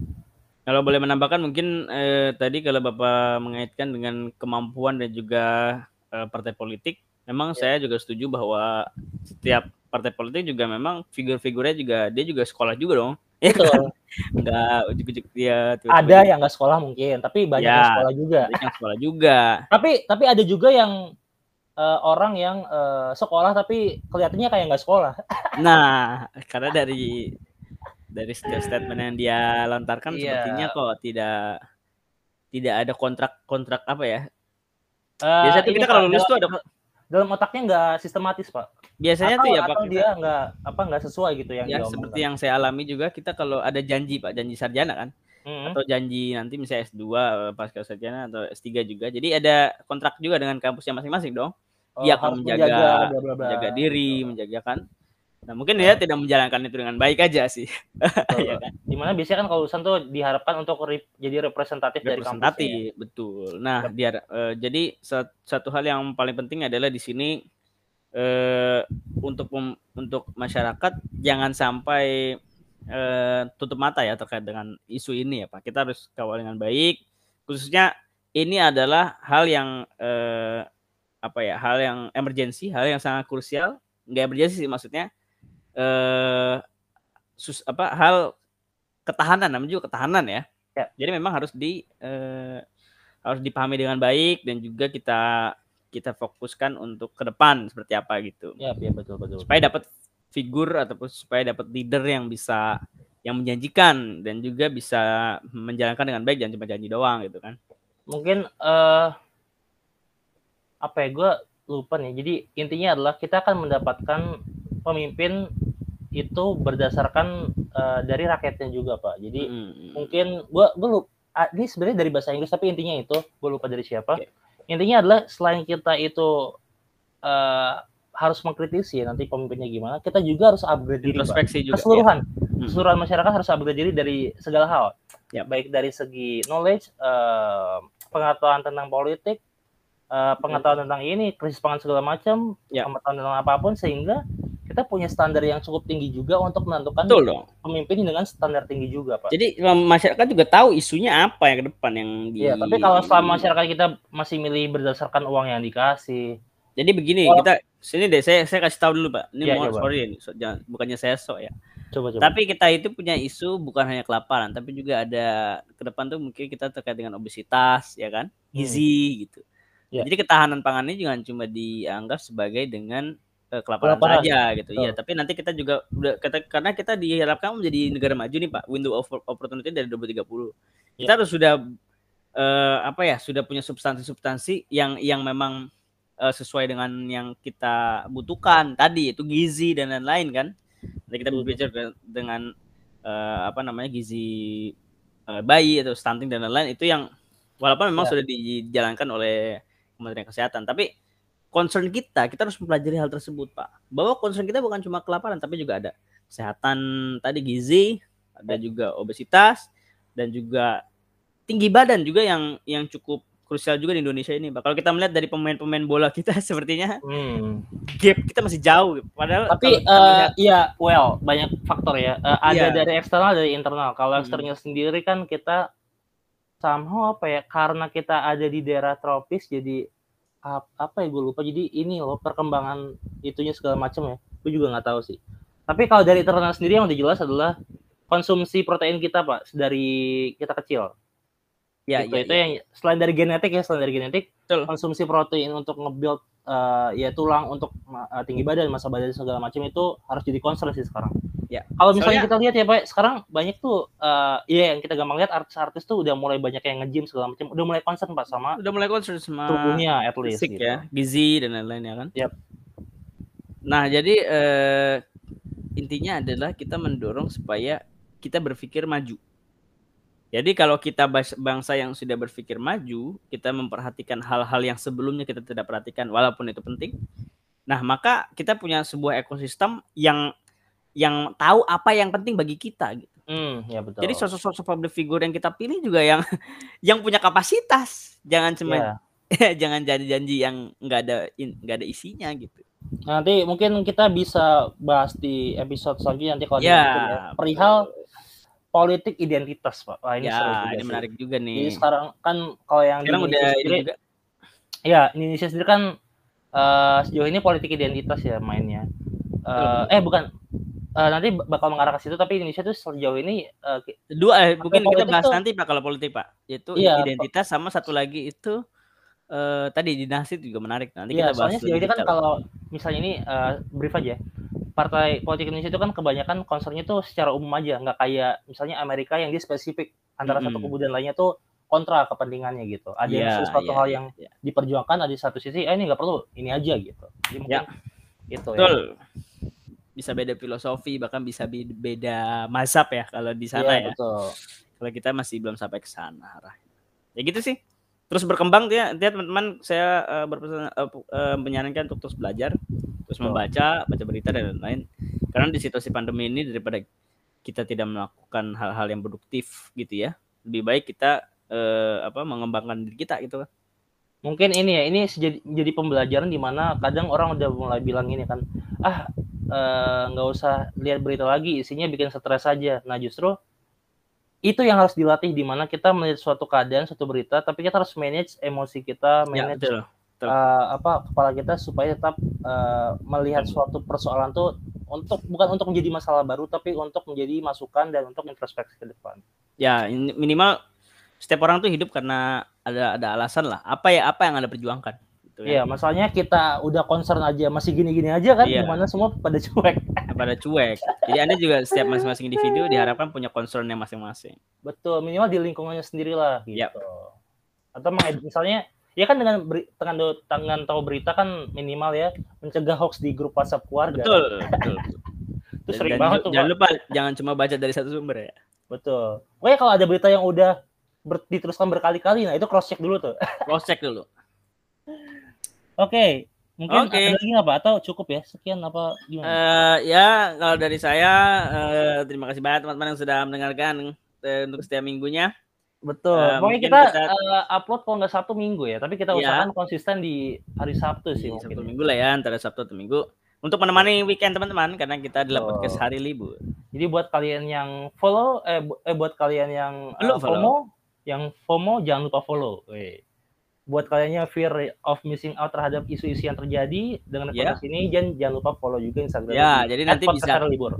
Betul, add podcast hari libur nanti teman-teman juga bisa ngasih masukan apa yang mau kita akan bahas, ya kan? Tuh. Oke, mungkin itu aja. Itu eh, aja. Berita wa Eh, lima pada episode hari kelima. ini. Yuk. Selamat eh, Selamat hari libur. menikmati hari libur kalian. Eh, gua Ridwan dan Iya, teman gua. gua. Iya betul. Kami Sampai berjumpa di Terima kasih, Cayo. berita selanjutnya. See you.